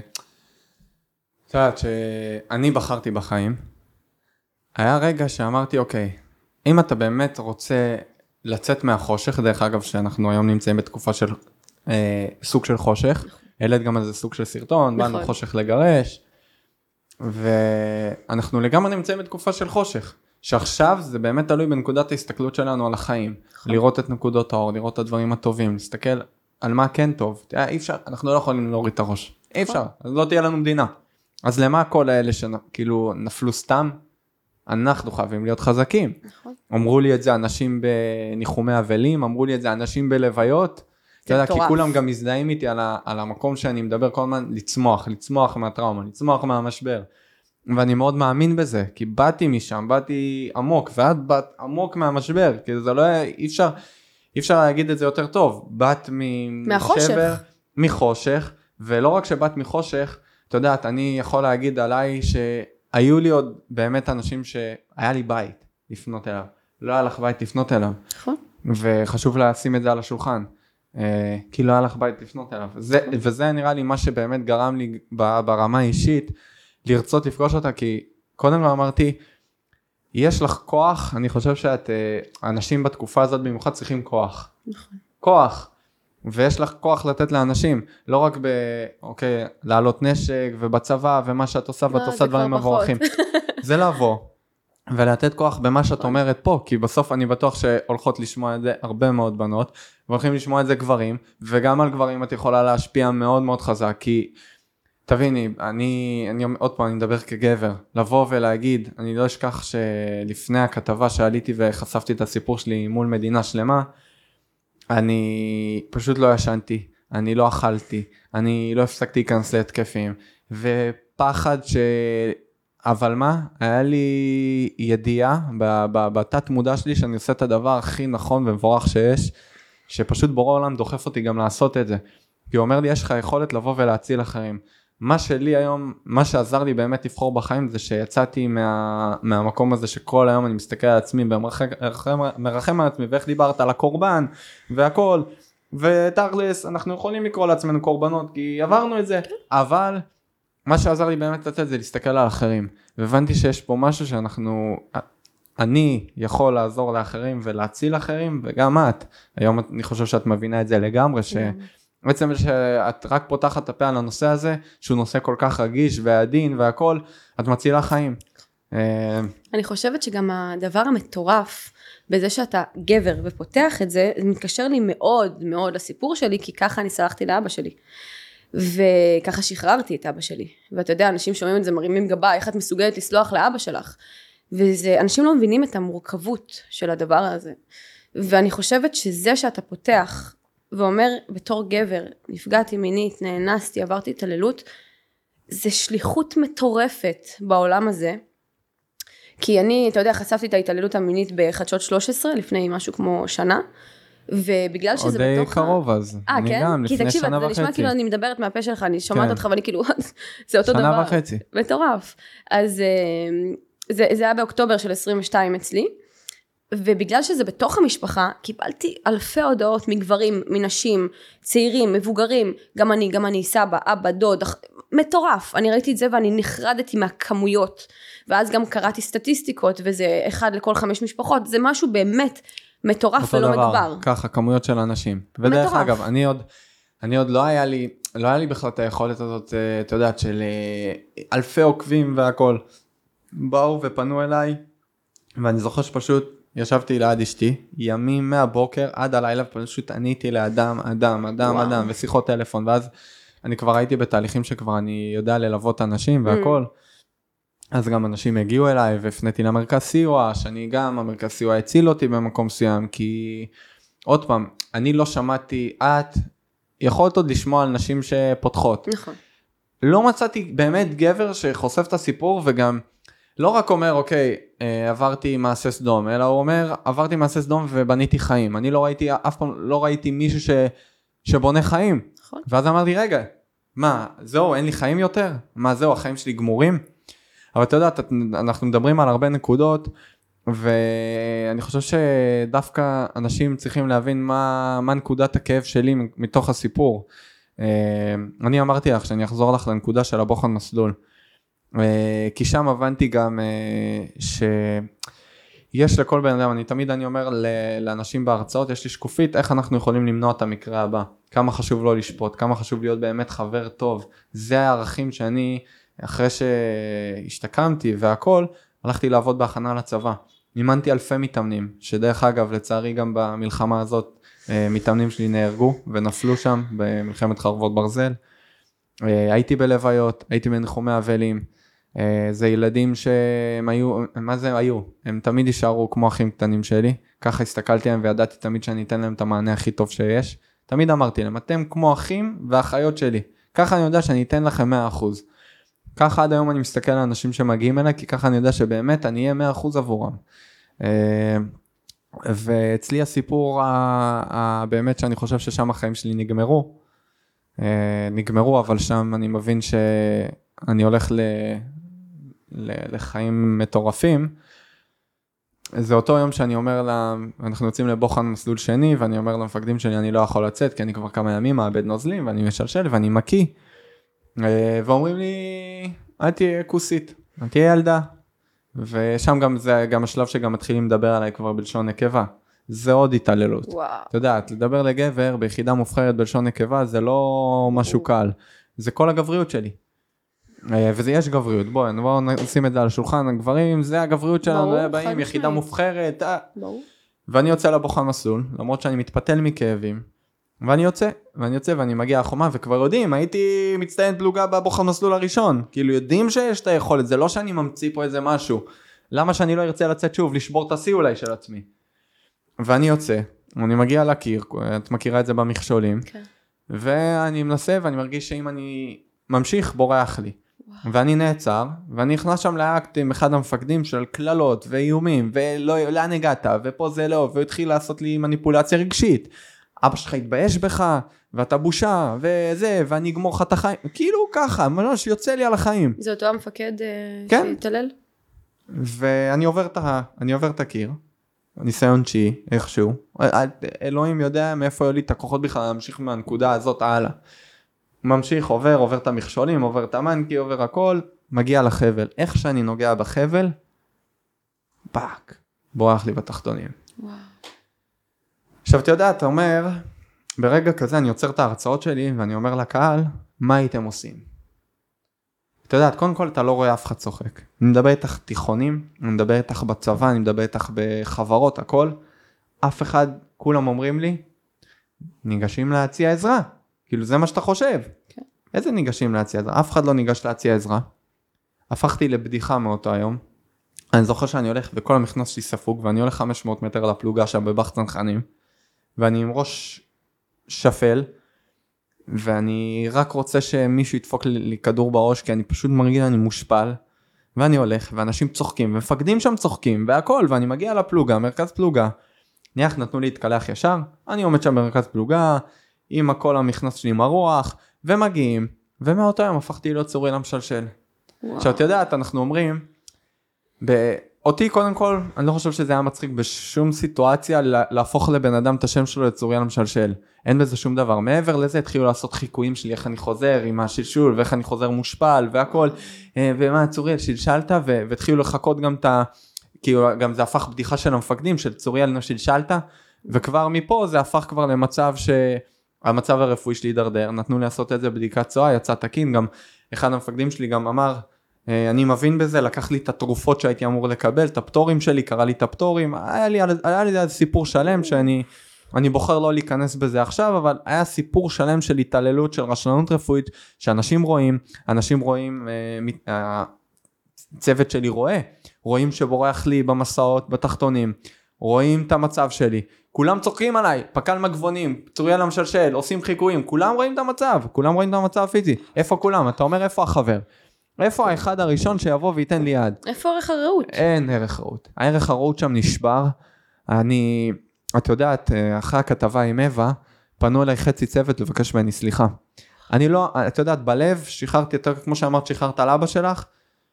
אני אמרתי אני משחרר הם היו ילדים ילדים דרך אגב מאוד אנוכיים אבל אני משחרר הם יצטרכו לחיות עם זה כל החיים שלהם הנזק, הנזק שהם עשו לי והם עשו לי נזק קשה כי את יודעת האונס שעברתי אני הולך לישון איתו אני קם איתו בהתקפים. הנידוי החברתי אתה יודע דיברת על חרם זה הרבה יותר קשה מחרם הייתי בתוך הצבא אין לי אף אחד אין לי גבריות מדברים, מדברים עליהם בלשון נקבה ו... אתה אומר איפה החבר הראשון? אני, אני זוכר שבכיתי בלילה, הייתי בוכה במיטה כל לילה, והיו אומרים לי מה למה אתה בוכה? ואני אומר כי גומרים אותי. ואף אחד לא עוזר, אף אחד לא נותן מילה, ורואים אותי שאני לא ישן, אנשים רואים, רואים, אורין, כולם רואים, אי אפשר להכחיש. מעבר לזה שאנשים נתנו אחרי זה, אה, כמה מהצוות אה, היו גברים, כן, אני אומר גברים, ונתנו עדות במשטרה, אבל איפה כולם? איפה הצוות? מה זה, כאילו, מה, רק לסיים מסלול? זה מה שמעניין. איפה הלא מפקירים אה, חבר ב- ב- ב- בשטח, פצוע בשטח? איפה הדברים האלה? ואני זוכר האיומים שהייתי מקבל, ואל תהיי כוסית, ואל תבכי, ומה את מתבכיינת? מתבכיין, אני רוצה לראות בן אדם, בן אדם אחד, במדינה הזאת, שמשלשל על עצמו, בצבא, עם הציוד, עם הכל, יורד במשקל, מקיא, הכל, וממשיך לעשות הכל, אין אחד כזה, ממש. אני לא רואה אחד כזה במדינה הזאת, לא אחד ולא אחד מכל אותם הגברים האלה שהיו גברים עליי, שאני בלי כוח והיו נותנים לי גם מכות שהייתי עומד בקרב מגע, ומפרקים אותי שאני לא יכול לזוז. אתה יודע, אמרתי למאמן שלי, בהמשך עשיתי אגרוף תאילנדי והכל, אמרתי לו, תהפוך אותי לנשק. אתה יודע, אתה הלכת לנשקים, אני הלכתי לאגרוף. עד היום, אני כל יום עושה אגרוף, אני אמרתי, לא משנה מה אני רוצה לדעת שאני יכול להגן על עצמי. גם אם אני יבוא מולי הבן אדם הכי חזק בעולם, אני אוכל להוציא מכה אחת כדי להגן על עצמי, לדעת שאני יודע להגן על עצמי. ואמרתי, פה תהיו גברים, לא שאתם ככה קבוצה. תבואו ככה עכשיו, שאני יכול להחזיר, שאני יכול לעשות משהו, מה ידעתם? לבוא אליי מאחורה, לתת לי פיצוץ לצלע, בזמן שאני זוחל ואתם מפרקים אותי? להנאה שלכם, זה היה הנאה. זה היה פשוט, זה היה, הכאב שלי זה שהיה שם פשוט הנאה מהדבר הזה. פשוט נהנו, נהנו, וזה היה הנאה להשפיל. עכשיו, את יודעת, אני המזל שלי בחיים האלה, שגדלתי בבית כל כך טוב, ואני אומר את זה לזכות ההורים היקרים שלי, שבאמת חינכו אותי לערכים והבנה שיש רע בעולם, אבל הטוב מנצח את הרע. ואני חושב שאם לא הייתי גדל על זה, אני פשוט לא הייתי, מבחינתי צבא זה היה אסון. אבל לא רק שהצבא מבחינתי היום זה אחד המוקדים וההרצאות שאני מגיע בלי סוף היום להרצאות, בדיוק לפני שבוע וחצי הייתי באוגדת עזה. אה, ואני מלווה המון חיילים מה-7 לאוקטובר, המון, אורין, אני אומר לך, מתחילת המלחמה, הטלפון שלי חיילים שחוו וראו דברים שהנפש לא יכולה להכיל. את יודעת, זה רק אתמול פגשתי מישהו ישבתי איתו שהוא ראה ראשים ערופים. הוא אומר לי, צורי, אני, אני רואה את זה כמו שדים אצלי, אני לא יכול לעצום עיניים. הוא לא מתפקד. והוא אומר לי, מצד שני אני, איך, איך אני אומר את זה למישהו? הוא אומר לי, צורי, לילה אחרון, ככה עושה לי, ברח לי שתן. איך אני אומר למישהו? מבינה? אז אני היום, לא רק שאני מגויס לצבא, יש לי שלושה אחים קטנים שגם פנו אליי אחר כך ואמרו לי מה אתה אומר להתגייס, אני זוכר שאחי הקטן, עזבי שנייה, אני יש לי שלושה אחים שאני הייתי מפרק אותם מכות, כי אני לא זיהיתי אותם, הייתי נכנס להתקפים והייתי בן אדם מאוד אלים, והייתי דופק את הראש בקירות, והייתי מקיא על עצמי, והם היו מנגבים לי קי, והיו מנגבים לי את השתן, ויש לי תמונות, תראי, אני שוכב בתוך הקי שלי, בתוך השתן שלי, בתוך הצואה שלי. והם מנקים אותי והם מתפקדים ואחים שלי הקטנים חיים את זה וכל לילה כולם קמים מהצרחות שלך ואז אחי שהתגייס לשריון בא אליי אומר לי צורי איך אני מתגייס. אמרתי לו אתה יודע למה אתה הולך להתגייס? אחד כי אם אתה לא תתגייס מבחינתי הם, כל מי שפגע בי בדרך ניצח ניצח במקום שהם ניצחו כי הם רצו לגמור לי את החיים לא משנה מה אי אפשר להצדיק דבר כזה אי אפשר להצדיק התעללות לצערי יש הרבה מקרים אני יכול להגיד דרך אגב ולשים את זה פה שהיום הצבא יותר מודע והצבא במודעות ומשרד הביטחון במודעות ומטפלים ונותנים בזה יד וזה ייאמר לזכות היום הצבא. יש הרבה מאוד מודעות ואני יכול להגיד לך שיש הרבה מהיחידה שהתקשרו אליי וביקשו סליחה אחרי הכתבה בשם היחידה ואמרו לי שהם תומכים בי והם מחזקים אותי כי היה לה איזה עליהום אחרי, אחרי הכתבה mm. שחברים של האנס תקפו אותי. את יודעת, אני אומר, הדבר הכי מצחיק שזה פה לאוזן, אה, פה לאוזן, אחד על אחד בסוף. האונס זה אחד על אחד, ההתעללות יש עדויות על הכל. האונס זה אחד על אחד. אז קודם כל, על סמך מה אתם אומרים? קודם כל אני לא מכיר אותם, אנשים שם כתבו אנחנו מכירים אותו והוא שקרן והוא בא לעשות כסף, בתהליך פלילי אין כסף. בוא נשים את זה על השולחן, עוד משהו. ו... ואני לא אשכח שפשוט תקפו אותי וכתבו לי איך זה לאכול בתחת ואיך זה לקבל בתחת, דברים כאלה. ואז אמרתי, כמה כוח הם נותנים לי. לה, להוציא את הרוע הזה, את יודעת, אני לא נותן לאנשים כאלה במה. קודם כל, הם לא מעניינים אותי. אני יכול להגיד לך שהם לא מדגדגים אותי. ההפך, הם נתנו לי כוח לבוא ולהבין כמה רוע יש וצריך לעשות טוב. הטוב מנצח את הרע. אם יהיה הרבה טוב, כמו עכשיו מה שקורה במדינה שזה מדהים, אנחנו בסוף ננצח. הביחד שלנו, האחדות שלנו, הטוב, זה מה שמנצח. ואני לא מוכן לתת לאנשים בריונים, בר... עברייני מקלדת, שדרך אגב, הרבה מהם פגשתי ברחוב בסוף אחד על אחד, את חושבת שהם אמרו לי משהו? זה האנשים הכי פחדנים אורין, שיש. עברתי עם אשתי בדיזינגוף, אחד האנשים שתקף אותי ברשת, אחד החברים שלו. אתה יודע מי זה? הוא תקף אותך בשמוקים? יודע, תקף ותקף אותי ברשת עם השם שלו הכל, ראיתי אותו בדיזינגוף. עכשיו אני, אני כבר, אני, אשתי כבר ראתה שאני רועד, ואני, אני, את יודעת, ברגע שלי אני רוצה לקפוץ, אתה יודע, מי אתה שאתה תגיד לי ככה? אשתי אומרת לי, מה אתה נותן בכלל את הבמה? שמה עליי את היד. מסתכל בעיניים, הסתכלתי לו בעיניים, ההוא השפיל מבט עם הבת זוג שלו, שאני לא יודע איך היא מסתכלת עליו, והמשיך הלאה. את יודעת, אני, אני בסוף חי בשלום עם כל צעד וצעד שעשיתי יותר מזה. את יודעת, הניצחון שלי זה שמתאמנים שלי, שאמרו לי, צוריאל, להתגייס למגלן? אמרתי להם, בוודאי. אני לא עושה הכללה על יחידה שלמה. יש הרבה מאוד אנשים טובים שם שאני מכיר, וחברים, ויש לי חברים שם. אני לעולם לא אכפיש צבא, ואני לעולם לא אכפיש בטח יחידה שנפלו שם גיבורים. לעולם לא. וגם גדלתי על הערכים, אני מבין, אני יודע איך העולם בנוי. אז לא עשיתי הכללה.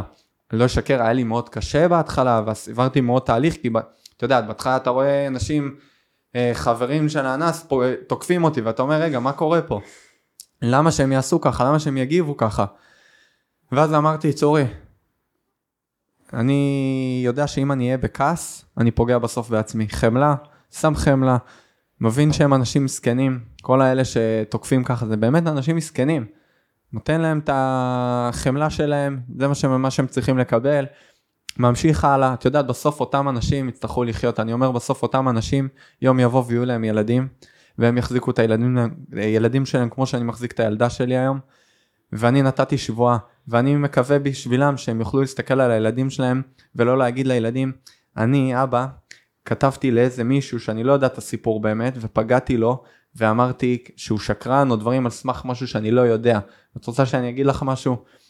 אתה את אונס של גבר, אני לא יכול להסתיר. אני גם בתקופה הראשונית בבית חולים, היה לי דימום. לא יכול להסתיר דברים. ואנשים לא יודעים הכל, ואנשים קופצים, וזה עוד משהו, למה לא שופטים בן אדם לפני שאתה רואה, ואנחנו גם, אתה יודע, עד כמה שאני חשבתי, מה היא הכי חזקה בעולם, כאילו תראי גם, יש לה צבא, נשק, הכל. ואתה מגלה סיפור. אתה מגלה סיפור מטורף. ואתה יודע, אני אמרתי לעצמי, אני חוזר לנקודה של ההשפלות, של הנידוי, אה, זה הסיבה העיקרית שרציתי להתאבד, כי אני בן אדם של אנשים, אני בן אדם של חברים. אני כצוריאל ידעתי שאני מתגייס ואני באמת מוכן לשים את החיים שלי עבור אותם חברים והצוות. והייתי כזה, והייתי תמיד, אני זוכר שגם הייתי אה, מגיע ומביא אה, צ'וקולוקים לכולם, ומביא דברים, ודואג, ורוצה לקיים אירועים, ו... כי אני באמת בן אדם של אנשים, מעולם לא פגעתי בבן אדם, מעולם לא פגעתי בבן אדם, אורין. אני לא, אני לא יכול לפגוע בבן, אני לא יודע איך פוגעים בבן אדם בכלל. כי באמת גדלתי בבית שתמיד לימדו אותי להגיש, ההפך, להיות זה שמציע עזרה ראשון, זה שנותן את ה... וגם אם אני אפגע, אני, אני אבוא ואני אוריד מכבודי ואני, ואני ישר אבקש מחילה וסליחה. וזה היה הכאב שלי. האונס, אתה יודע, זה, זה צלקת, אני חווה את זה בהתקפים, אני חי את זה כל לילה, אני מפחד לעצום עיניים כבר עשר שנים. אני לא יודע מה זה לישון. כאילו, אתה יודעת, אה, אשתי, אה, בהתחלה שאמרתי לה את זה, אמרה, אין סיכוי שאתה לא ישן, נו מה, צורי, אתה בטוח גונב כמה שעות. ושהתחלנו לישון ביחד, שזה היה תהליך מאוד מאוד ארוך עד שזה קרה, אה, היא פתאום התחילה לקום. כמה הייתי? ויאמר לזכותה שהיא מעולם לא אמרה לי בגללך אני עייפה. היא קמה אליי ונותנת לי את החיבוק ואומרת לי אני פה איתך וכאילו באמת היא אני מגדיר אותה כמהלך שלי שנשלח אליי מבורא עולם. אני פשוט נסרטת מהדמיון, אתה כן. מדבר פה על כל כך הרבה דברים ואני כאילו יואו זה פשוט מטורף, זה פשוט מטורף. אין, אני, אה. זה, זה מטורף, אין לי פשוט מה להגיד. את, אתה מדבר את אותם דברים שאני מדברת בדיוק, וזה גם היופי בשיתוף. לגמרי, זה למה לדבר, מדבר, לדבר שווה חיים, אנשים שידברו, אנשים שידברו יקבלו את החיים שלהם, והיום אנחנו גם נמצאים בתקופה, אם אתם רוצים עכשיו לקבל את החיים שלכם בחזרה, או לפחות לחזור ל- לחיים, צריך לדבר. אי אפשר לשמור את זה בבטן, אני אומר את זה לחיילים עכשיו. זה לא בושה לדבר, קחו את החברים, קחו את הצוות שלכם, קחו פינה, תפרקו, תפקו אחד על השני, הכל טוב. זה לא יוריד מהגבריות שלכם. איפה? ההפך, אני רואה בזה חוזק, אני רואה בזה עוצמה. נכון. עוצמה אדירה, עוצמה של הצלת חיים. אני יודע מה זה לא לדבר, את יודעת מה זה לא לדבר, ואת יודעת איזה נזק אדיר זה הביא לחיים, ואת את יודעת, אתה אומר הכל לטובה, בסוף החיים מסתדרים, וכנראה היית צריכה לעבור דרך, ואני הייתי צריך לעבור דרך. כנראה הייתי צריך לעבור, לעבור דרך המקום האובדני, כי היום, רק ביום חמישי האחרון, פנו אליי 15 אנשים במצב אובדני קשה, שאומרים לי, ואתה גם יודע שיש מצב שאתה השיחה האחרונה שלהם. יש מצב שאני השיחה האחרונה שלהם, כי הם אומרים לי, אני רוצה להתאבד. מה אתה תעשה? עכשיו, גם אני לא יכול לשתף את אשתי בדברים האלה. היא לא, היא, היא, יש, אני יודע שיש גבול למה שאשתי יכולה לשמוע. אני שמעתי טוב טוב את הסיפורים שם, בלי לראות, אה, ראיתי ביומיים הראשונים סרטונים, הבנתי שזה לא עושה טוב לנפש. ניתקתי, הבנתי שאני חייב להיות חזק כדי לעזור לאחרים וגם לעצמי, אני בסוף גם יש את ההתמודדות שלי ואני מטופל והכל. ונחשפתי לסיפורים מאוד קשים. מה זה קשים? זה סיפורים שאתה, זה, זה ב, ב, ב, בסרטים אין כאלה סיפורים. ממש. נחשפתי לסיפורי אונס, נחשפתי לראשים ערופים ו- ו- וחלקי גופות ולדברים שאנשים אומרים לי עכשיו בוא צוריאל תעזור לי, תציל אותי. אנשים אומרים לי תציל אותי, כאילו זה, זה הרמה. עכשיו, אני בא בסוף יום לבית, ואני משתדל לשים את הדברים מאחור, ואני מחזיק את הבת שלי, ואני מתחיל לבכות, ואני, אתה יודע, זה תוך כדי, כאילו זה יורד לי פתאום, ואני, אשתי פתאום אה, רוצה את היחס, ואני אני לא מצליח לתת לגמרי, כי הראש, הראש קשה לו לעשות איזה ניתוק והפרדה מה- מהסיפור. עכשיו, אני לא מטפל גם, יש לי, למדתי כל מיני שיטות טיפול, ואני לא רציתי ללכת למקום הטיפולי, רציתי למקום של מאמן, ממקום שאני באותה סירה של בן אדם, ואני מדבר בגובה העיניים, ממקום של יאללה, אחי, אחותי, הולכים ביחד ועושים עכשיו, עושים את זה, הולכים להשתקם, הולכים לצמוח מה, מהטראומה הזאת. ואני אני לא חושב שסתם הגעתי למצב אובדני, אני חי פה בנס היום, אני יודע את זה, אה, שבורא העולם באמת השאיר אותי בעולם הזה בנס. אה, אני לא הייתי אמור להיות בחיים, אה, ואני אומר לך את זה, אני לא נכנס לזה כי לא לעשות טראומה חלילה למאזינים, אבל אני לא הייתי אמור להיות בחיים. אה, ואני יודע שאם נשארתי פה, זה נשארתי לשליחות מסוימת, וגם את, איך אמרת, אני מחפש את עבודה, וגם אני חיפשתי עבודות, וזה הדבר שהכי התחברתי, חיפשתי את עצמי, מה עושים, כאילו. אבל ידעתי שדבר אחד בטוח אני עושה, אני מקדיש את החיים שלי כדי לעזור לאנשים אחרים. שהעולם הזה יהיה מקום טוב יותר. לא מעניין אותי, אה, לא מעניין אותי מה קורה. אה, ואני לא אשכח שברגע שבחרתי בחיים, ש... זה הנקודה, את יודעת, אני לא משתף את הנקודה הזאת בדרך כלל, אני אגע איתך, יש, אה, יש, אה, היו שני מקרים שגרמו לי באמת לבחור בחיים, אחד אה, שבאמת פירקתי לאבא שלי את הצורה, לא, בתת, לא במודע בכלל. זה התקף כזה? התקף מתוך סיוט, קמתי. ופשוט ריתקתי אותו לתוך הארון, ורק אחר כך בדיעבד אמרו לי שפירקתי לאבא את הצורה. כאילו ממש, אחים שלי באו ואמרו לי, אה, לאבא את העצמות. ואני, איך תסת... לכי תסתכלי על אבא עכשיו. בטח אשמה קשה אה, מאוד. אשמה מאוד מאוד קשה, אשמה הלכתי איתה הרבה מאוד זמן, אה, ידיעה שאתה רואה את המשפחה במקום מסוים מתפרקת. משפחה חזקה מצד אחד, מצד שני אתה רואה מתפרקים. אני שומע את אמא, אמא בוכה בלילה, אבא שלי שמאוד קשה לו. אין שגרה יותר, אבא לא יכול ללכת לעבודה, אמא לא יכולה, כי צריכים לשמור עליי, כי גם אני במצב אובדני. אני, אני קם בבוקר, אורין, אני לא קם אה, לכוס קפה, אני קם ואני מתמוטט על הרצפה. אני מתעלף עד היום בין 10 ל-15 פעמים כל יום. כל יום. ואין לי, לי את המקום הזה של אה, אני קם, יאללה, קם ו- ולובש ב- כאילו הכל טוב ויפה. אני הולך לשירותים היום, אני מתמוטט כמעט קבוע בשירותים. עכשיו, לפני הפרק הלכתי לשירותים, התמוטטתי בשירותים. השירותים אמ, עושה לי הרבה מאוד, אה, שם זה הכי טריגר, אבל אין מה לעשות, בן אדם צריך שירותים. ואני מתמוטט בשירותים. לכן הרבה פעמים אנשים לא מבינים למה נכנסים מעבר לשירותים. Mm. אה, היא מעירה אותך? היא מעירה אותי, מההתקפים, מסיוטים, היא גם, היא, היא, היא מאומנת היא בזה? הנס אימנות? הראשון, כן, היא עברה שנה וחצי הכשרה, היא כלבת שירות מוכשרת, רמה בינלאומית, טסתי. איתה, אני כל מקום איתה. אווה היא לגמרי, אה, היא עוד מלאך, כאילו אני אומר, אלוהים שלח לי הרבה נקודות בחיים, שבאמת הייתי על סף הרמת ידיים, לוותר, והוא הביא לי את אווה, ואז פתאום עדי נכנסה לחיים, ועדי זה, אני, אני אדבר עוד מעט בכמה מילים, כי...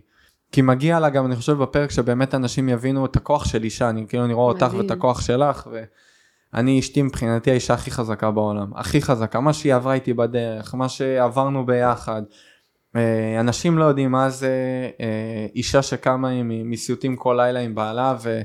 או שאני מתעלף לה במקומות, במטוס, ב- ב- התעלפתי לה בוונציה שם, ואנשים, ואת יודעת, שם זה בכלל, אנשים אין מודעות מה זה ברור. פוסט טראומה, זה לא בארץ, כאן זה כל טראומה.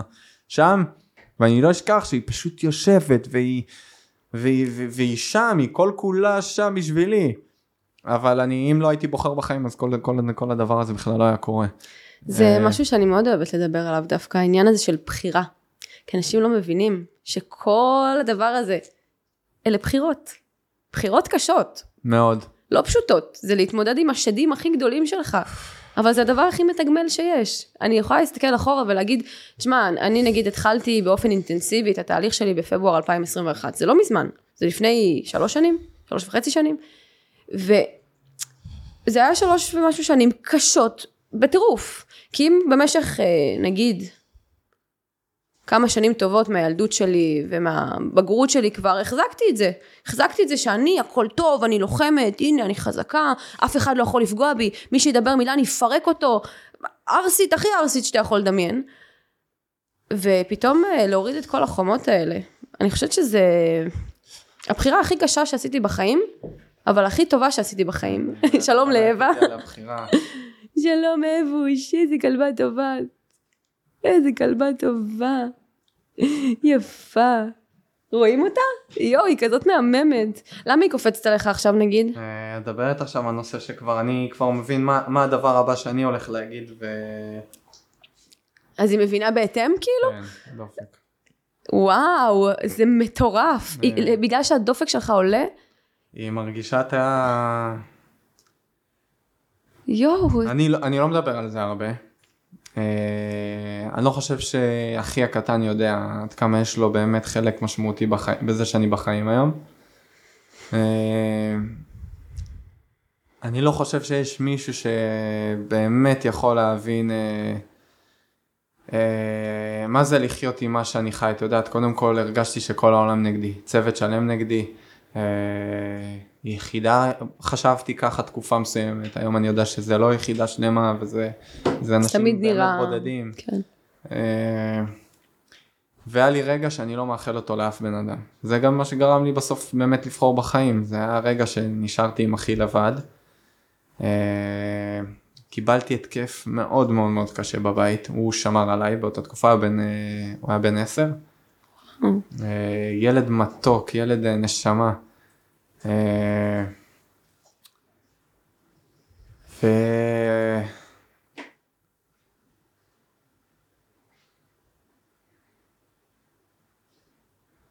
וקמתי, קמתי מההתקף, והוא, הוא ממש חיבק אותי, ו...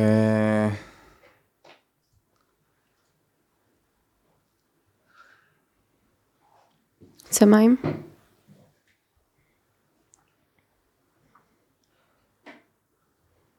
אני יכולה לעזור איכשהו?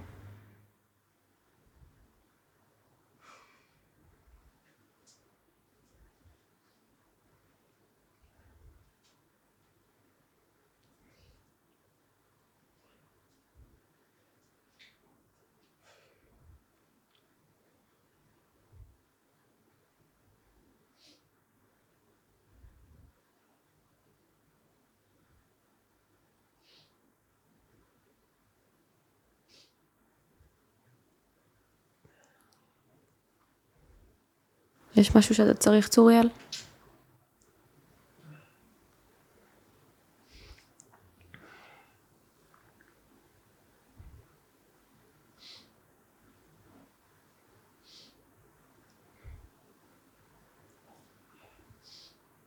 אה, הוא חיבק אותי והוא אמר לי, אני מבקש ממך לא להתאבד. אמר לי שהוא לא יכול לחיות בלעדיי. וואו. אה, הוא היה שומע אותי צועק בבית, שאני לא רוצה את החיים.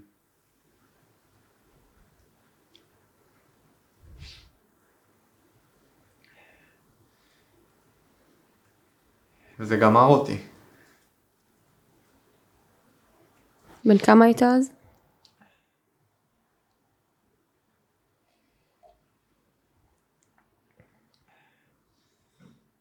הייתי בן 20, כמעט 21, והוא עשר? ו...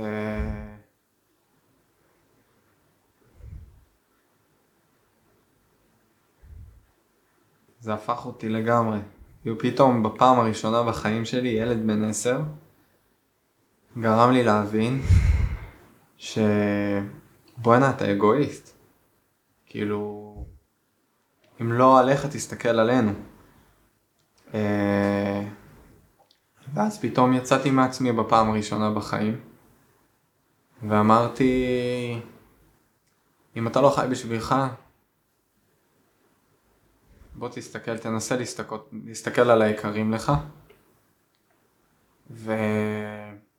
ואז גם פתאום אמרתי, נפל לי משהו, את יודעת, עכשיו הרבה אנשים אומרים את זה כי הם קראו ספרים ודברים כאלה, אני ממש חוויתי את זה על בשרי. פתאום אה, אמרתי, בוא'נה, יש לך נקודת אור בחיים.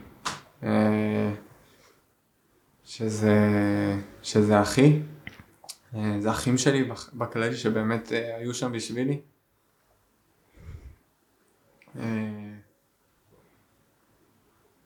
והתחלתי פשוט אני זוכר שפשוט ישבתי, ישבתי עם עצמי, ואני זוכר גם אפילו שלקחתי דף, פשוט התחלתי לכתוב את כל הדברים הטובים שיש לי בחיים.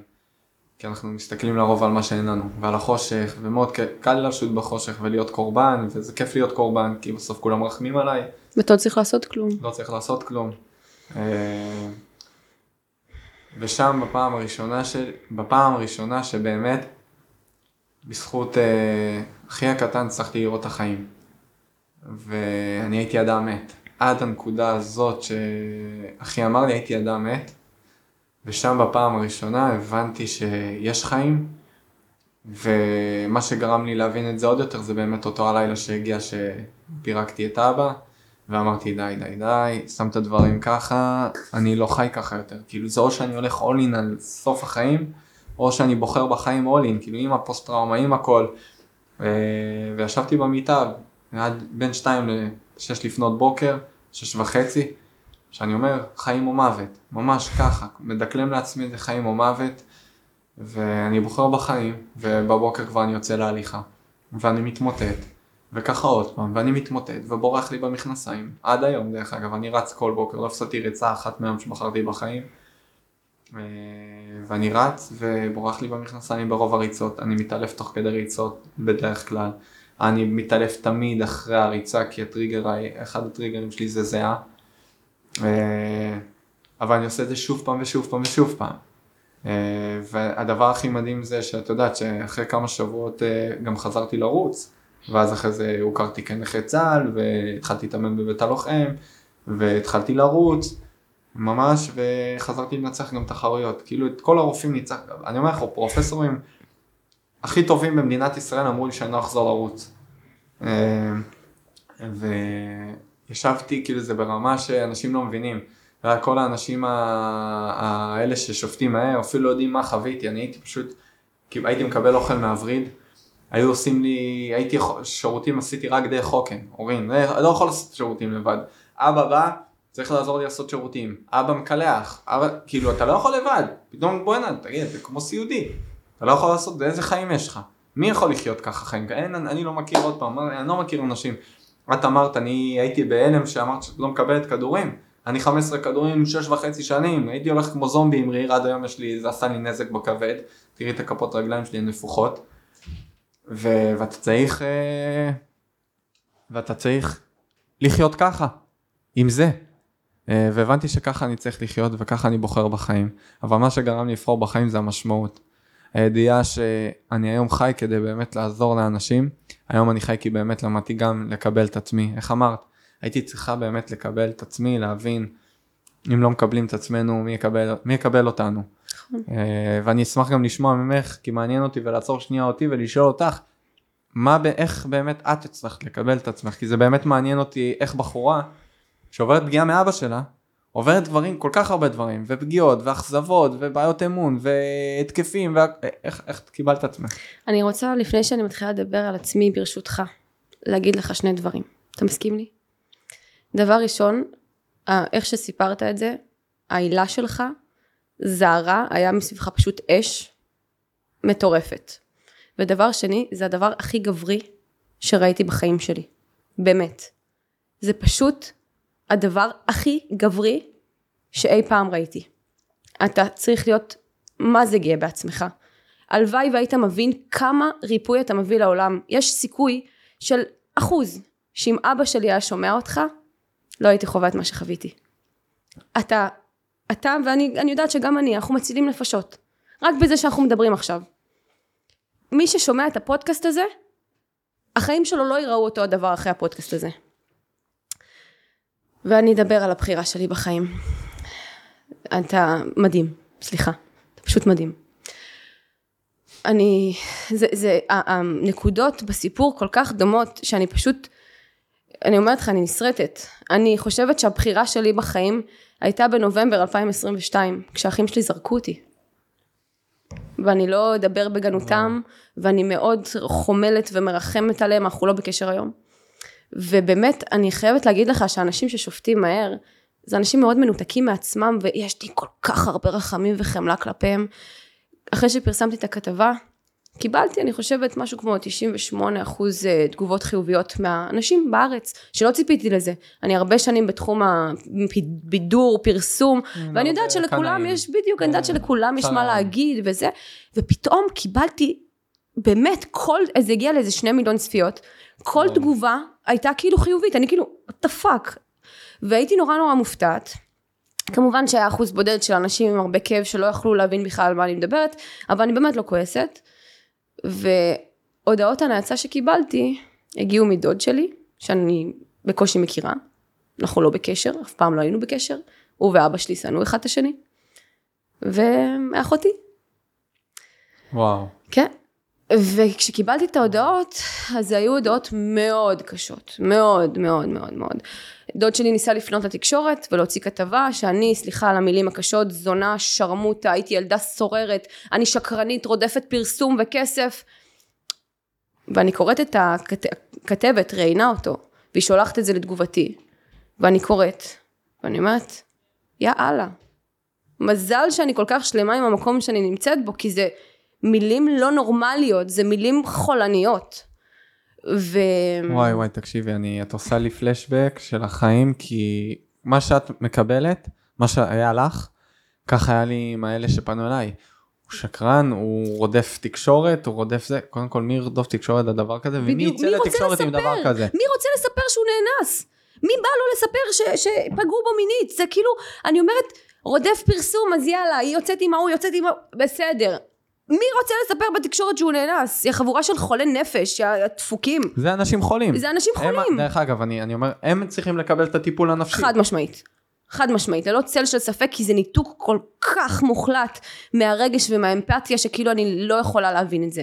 וגם אתה כנראה לא יכול להבין את זה, כי אנחנו אנשים מאוד אמפתיים. כן, אין לי, אין לי מושג, אני עד היום, כאילו, אני גם כל כך ניתקתי את זה, אורין, אותם, כי אמרתי קודם כל, את יודעת, הדבר המצחיק שאני אני בכלל לא רציתי להכפיש את שם היחידה. הם הכפישו את שם היחידה כי אנשים באו ואמרו לי, מה ככה מתנהלים שם? ואמרתי לא, לא, זה בודדים. ההפך, אני הגנתי על היחידה כי אנשים התקשרו אליי ממש, גם מהצבא. ואני הגנתי על אבא שלי. אנשים מהצבא התקשרו אליי, מה ככה, ועד היום בהרצאות גם שואלים, ואמרתי לא, לא, לא, לא, לא. חבר'ה, יש לי שם מתאמנים, יש לי חברים, אנשים טובים, ויש הרבה אנשים שהתגייסו ואמרו לי, אנחנו מגנים את מה שקרה. ממש לא, זה לא כולם, זה ההפך, אני בסוף זה יצא זה שאני הגנתי, וזה היה מצחיק. זה, זה מדהים, אני אגיד לך מה, קודם כל אני אחזור רגע לבחירה כן. בחיים, לי זה קרה בנובמבר 2020, אה, אחרי שפעם אחר פעם אכלתי אכזבות, נגיד איזה מילים עדינות, אכזבות מאוד מאוד קשות מהמשפחה שלי, ו...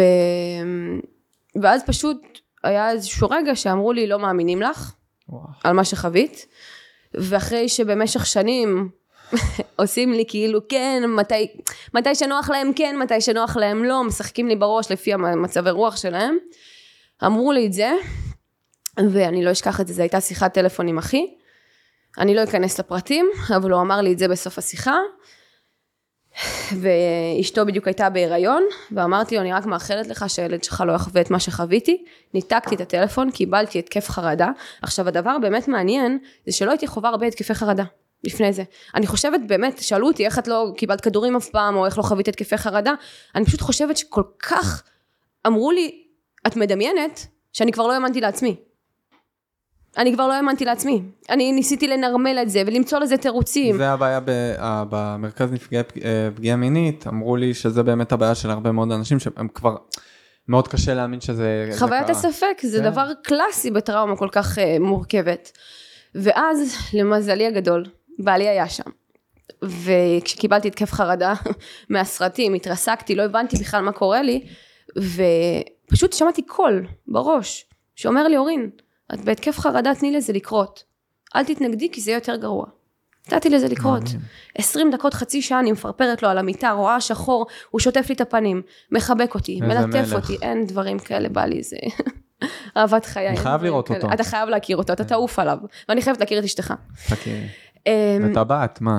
וואי, זה, תקשיב, אנחנו נדבר על זה, זה אחד כן. הדברים שמרגשים אותי, להביא אה, ילדים לעולם, אנחנו מאוד מאוד רוצים, ואנחנו... כן, בעזרת השם. ו... ואז הוא פשוט חיבק וליטף והיה שם וניסה לדבר איתי ואין עם מי לדבר, אני כאילו לא שם לגמרי, ואני רק שומעת קולות בראש. ובסוף, אחרי איזה 20 דקות, חצי שעה, שאני שומעת את הקולות האלה, הקול הזה אומר לי, אורי, נכון, את חווה התקף חרדה עכשיו, אבל מה את לומדת מזה כדי שזה לא יקרה שוב? איך שאני שומעת את זה, אני מתיישבת על המיטה, אני אומרת לבעלי, הבנתי, הם לא יכולים פשוט להיות חלק מהחיים שלי. ואז הוא מסתכל עליי, אומר לי, מה? כאילו, אתה יודע, מ-100 ל-0, פתאום אני מתיישבת, אני אומרת לו, אני פשוט לא יכולה שהאחים שלי יהיו חלק מהחיים שלי. היום בדיעבד אני מבינה שאתה באמת לא יכול לפרוח בסביבה שהרעילה אותך. את נותנת פה עכשיו למאזינים את הדבר, הכלי המרכזי לשיקום בחיים. נכון. בסביבה, אני ניתקתי גם חברי ילדות, הכל, אתה לא יודע. בכלל, זה מטורף, אתה בכלל לא יודע שיש גם אופציה. אני ניתקתי משפחה, זה, דרך אגב. זה חשוב ברמות מטורפות, ובאמת, אני לא יודעת אם הם חושבים שאני שונאת אותם או כועסת. אני לא, אני אוהבת אותם. הם באו לחתונה שלי, הזמנתי אותם לחתונה שלי, אנחנו כבר שלוש שנים לא בקשר. אני באמת אוהבת אותם. גם את אבא שלי, אני אוהבת. אני לא כועסת. כעסתי, בכיתי, צרחתי, הפכתי את הבית. איך אפשר לאהוב אבל? או, זה יפה. אני, ח- אני, סליחה, זה קופץ זה לי. מובן, זה מובן לגמרי. זו שאלה אחת המבוקשות ואני אסביר. אני- אני גדלתי לשתי מציאויות. ובהתאם לכך, הפוטנציאל שלי לפתח פיצול אישיות היה גבוה מאוד. כי ביום יש לי אבא מדהים, צוריאל, מפנק, דואג, עונה לי לטלפונים, אומר לי, נסיכה שלי, מה איתך? מה את צריכה? אני, אני אספר אפילו משהו שאני חושבת שלא דיברתי עליו אף פעם, פשוט זה עלה לי לפני שבוע, פתאום איזה פלשבק כזה. הייתי בת 16, ויצאתי לטיילת, והייתי מתלבשת זוועות. שמתי חולצה בתור שמלה עם נעלי עקב מאוד מאוד גדולות, והלכתי עם חברה לטיילת, והייתי כולה בת 16. ובדרך חזרה במונית, הנהג מונית שם לי יד על הירך, אוקיי? ואני קפאתי, והחברה שלי מאחורה קפאה, אנחנו שתי ילדות בנות 16, והוא בן איזה 60-70 לפחות, ואני אומרת לו ככה בקולי בשקט ובפחד, "אתה- אתה יכול בבקשה לא- להוריד את היד? ככה. עכשיו, האם הטעות שלי הייתה לשבת מקדימה? אני, אתה יודע, האשמתי את עצמי על זה שנים שאני ישבתי מקדימה. והוא אומר לי, לא, לא, קצת, קצת, אין לי בבית, אני רוצה לגעת, קצת, קצת.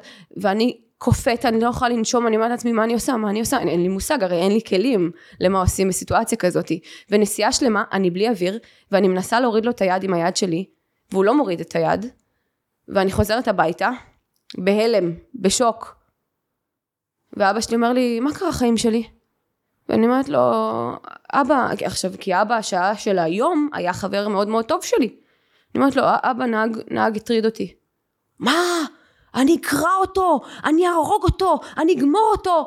ואני, בחוכמתי, חשבתי לקחת את הכרטיס ביקור של הבן אדם הזה, כדי שאבא שלי באמת יעשה משהו, שתבין כמה זה חולני. הבאתי לאבא את הכרטיס ביקור. הוא התקשר לבן אדם, ואמר לו, תקשיב, תקשיב לי טוב, אני אגמור לך את החיים, אתה בן אדם מת, אתה זה, אתה...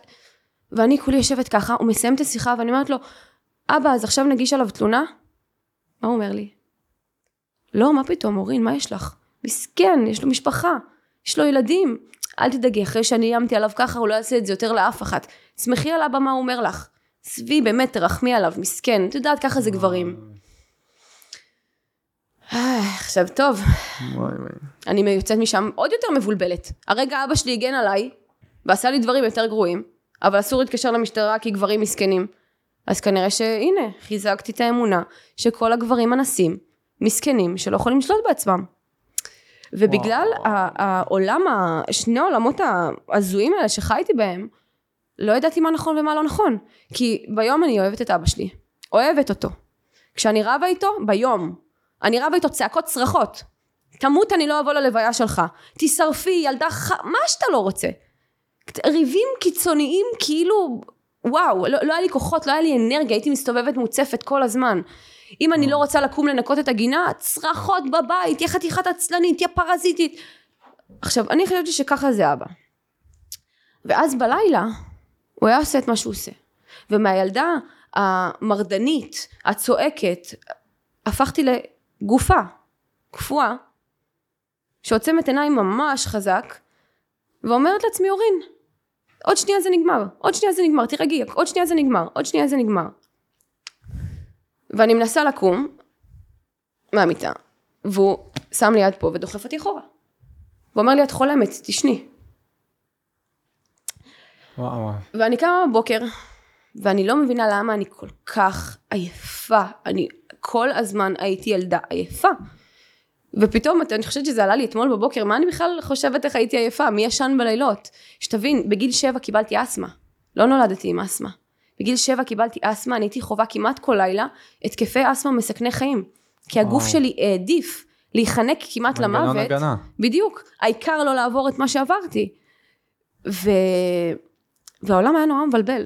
כי מצד אחד אבא, שהוא עושה שיעורי תורה בבית, מדבר על קבלה, גמרא, על הזוהר, על כמה שאלוהים אוהב אותו, ובלילה עושה את מה שהוא עושה, ונותן לזה טיעונים מצוינים. אני עושה את זה כדי שלא תתרגשי מגברים כשתהיי גדולה. כי אחרת, את יודעת, כל גבר יעשה לך ככה ואת תלכי אליו. ואני אני, אני קוטע אותך, אה, אימא שם כאילו?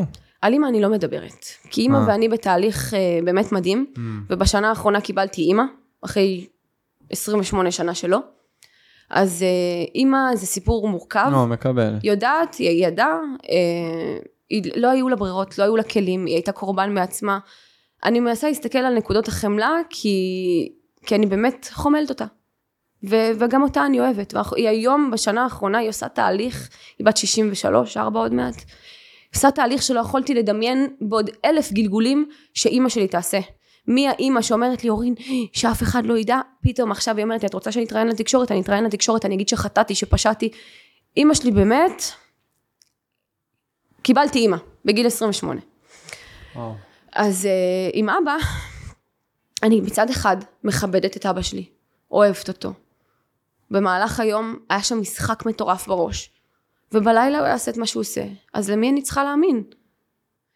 וכשגדלים ככה, אתה אוהב ושונא בו זמנית, וזאת המורכבות של פגיעה מינית בתוך המשפחה, כי, אתה, כי העולם רוצה שתשנא, העולם רוצה שתגיד, הבן זונה הזה מגיע לו להישרף בגיהנום, אבל אני לא חושבת, אני חושבת שהוא קיבל סרטן בגיל 56, 55, ששרף לו את כל הגוף, אני ראיתי את אבא שלי נאנק מכאבים על הספה, צורח לאלוהים, אלוהים למה זה מגיע לי? ואני הייתי עומדת בפתח הדלת, בשקט, ואומרת לו, אבא אתה אמרת שאלוהים מנקה אותנו מהחטאים שלנו אם כואב לנו, אז כנראה שהוא מנקה אותך.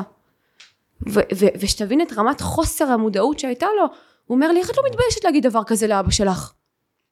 אני באמת, הוא, הוא בא פעם אחת מאיזו הבחנה פסיכיאטרית, ואמר, עבדתי על הפסיכיאטר שאני חולה נפש. ואני מסתכלת עליו, ובתור ילדה קטנה אני אומרת לו, אבא, אני לא חושבת שעבדת על הפסיכיאטר. ולא ידעתי כלום עוד, כאילו היית, היית אבל ילדה מאוד חכמה, כאילו את אומרת פה... אבל ניסו להשתיק לא, את החוכמה. ברור, אבל- כל פעם שהאינטואיציה עלתה, וופ, את טועה. אז- את טועה. אז איפה, איפה מגיעה האהבה פה? איך נכנס האהבה ל, לאבא, ש...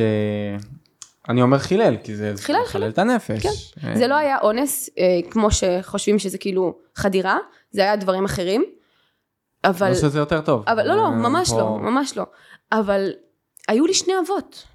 היו לי שני אבות, אני גם לא מתכוונת לעולם להתנצל על זה שאני באמת, אפילו בחופה. הרגשתי שאני אומרת לאבא שלי תודה ששלחת לי את גל, אבל לא לאבא שלי שאנשים חושבים הדמות של אבא שלי. אם אני מחלקת, ואני מחלקת כל אדם לנפש, רוח, נשמה. נפש זה מצבור החוויות שחווינו בעולם הזה, זה הכוח החלש שבנו, זה הבהמה שבנו, שרוצה אוכל, סקס, אה, את כל היצרים ההישרדותיים שלה, בלי שליטה. יש את הנשמה, שהיא באה לפה לעולם הזה לתיקון, ואז הנפש שמה לה רגליים. ויש את הרוח. ומה שינצח בעיניי את המאבק בין הנפש הפצועה לנשמה שרוצה לתקן, זאת הרוח. ואני חושבת שהמזל שלי בחיים היה שתמיד הרוח שלי נשבה חזק ולא האמנתי שאלה החיים. אני חושבת שזה היה המזל היחידי שלי.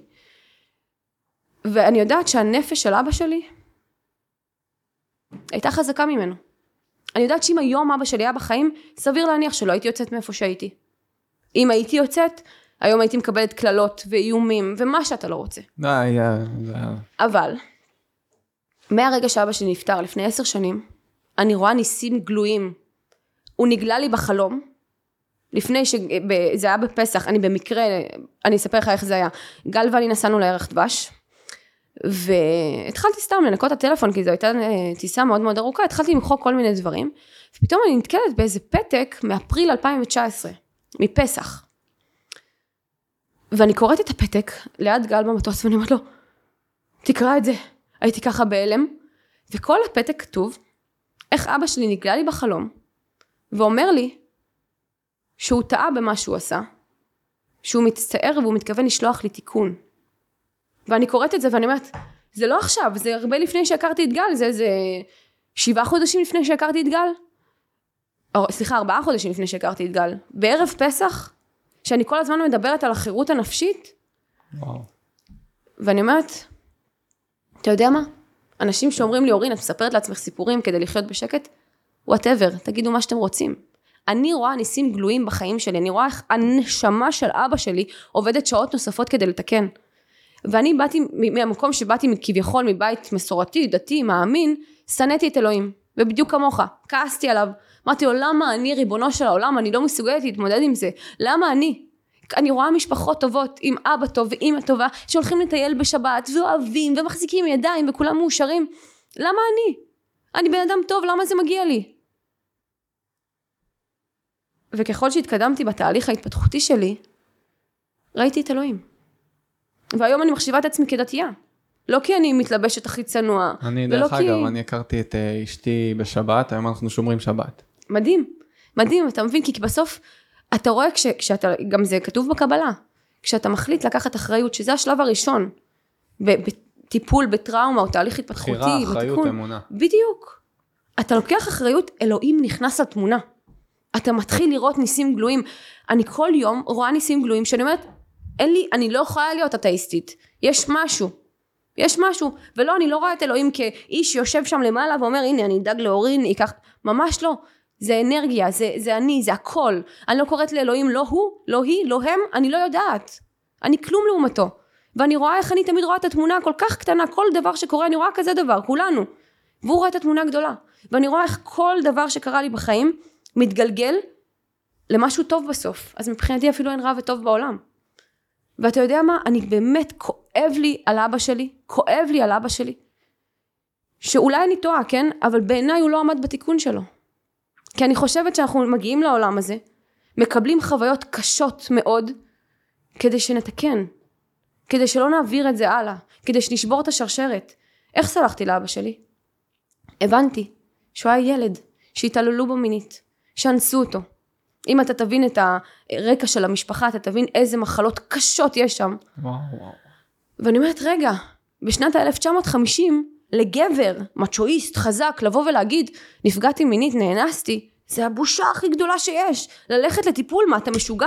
מה, אתה חולה נפש? מעביר את זה הלאה. בדיוק. מוציא תסכול. ואז אתה שומר את זה בפנים, וכששומרים בפנים, זה מחלות בנפש, זה מחלות בגוף, וזה עובר דורות הלאה. עד שבא אחד, מספיק חזק, שאומר פוס, זה עוצר אצלי. אני לא מעביר את מעגל הרוע הזה הלאה. אני בהתחלה לא רציתי ילדים, מתוך האמונה הזאתי, שיכול להיות שאני אעשה דבר כזה אותו לילדים דבר שלי, כמוך בדיוק. מטורף. לא, לא מהמקום הלעשות, אלא מהמקום של אני לא אהיה אבא אני טוב, לא, בדיוק. לאיזה אה. עולם אני מביא אותה. כן. לעולם כזה, כן, בדיוק. זה המקום שלא, אני לא היה לי, כאילו, את, את חווית את זה מתוך בית, אני חוויתי את זה מבחוץ, אני לא היה לי איזה פחד אה, מאבא או אימא או משהו כזה. אצלי זה באמת הגיע מ... לאיזה עולם אני מביא את הילדה שלי. נכון? ואני זוכר שגם אה, אשתי נכנסה להיריון, מצד אחד אתה אומר תודה, כי אתה מבין כמה זה, זה מתנה מבורא עולם והכל. מצד שני אתה נכנסתי להתקף חרדה וישבתי במרכז אה, נפגעי פגיעה מינית ואמרתי לו, אה, למטפל שלי, אמרתי לו, מה אני עושה? מה אני עושה? כאילו ישבתי איתו והתחלתי להיכנס חרדה ואני בוכה והוא הוא אומר לי צוריאל, אפשר לחיות כל החיים בפחד הזה והחרדה של זה יהיה. אתה באת לפה ועברת ויש לך את היכולת להראות טוב יותר ולעשות טוב יותר ולהיות אבא טוב יותר ולדאוג יותר וכאילו ואני מאמין גם שאת בסוף את תהיי בעזרת השם, אימא טובה יותר, ואת היא נכון. לדעתי האימא הכי טובה שיש. נכון. כי זה, המקום הזה, אני רואה את זה על הדאגה שלי היום אה, לבת שלי, כאילו הרבה אנשים לא מבינים, כאילו אני ממש, אה, אני יש לי, כל יום לא משנה כמה יום עמוס, אני אעשה הכל כדי להגיע לקלח את הבת שלי ולדאוג לה ולהיות איתה בערב ולהרדים אותה ולתת לה את האוכל.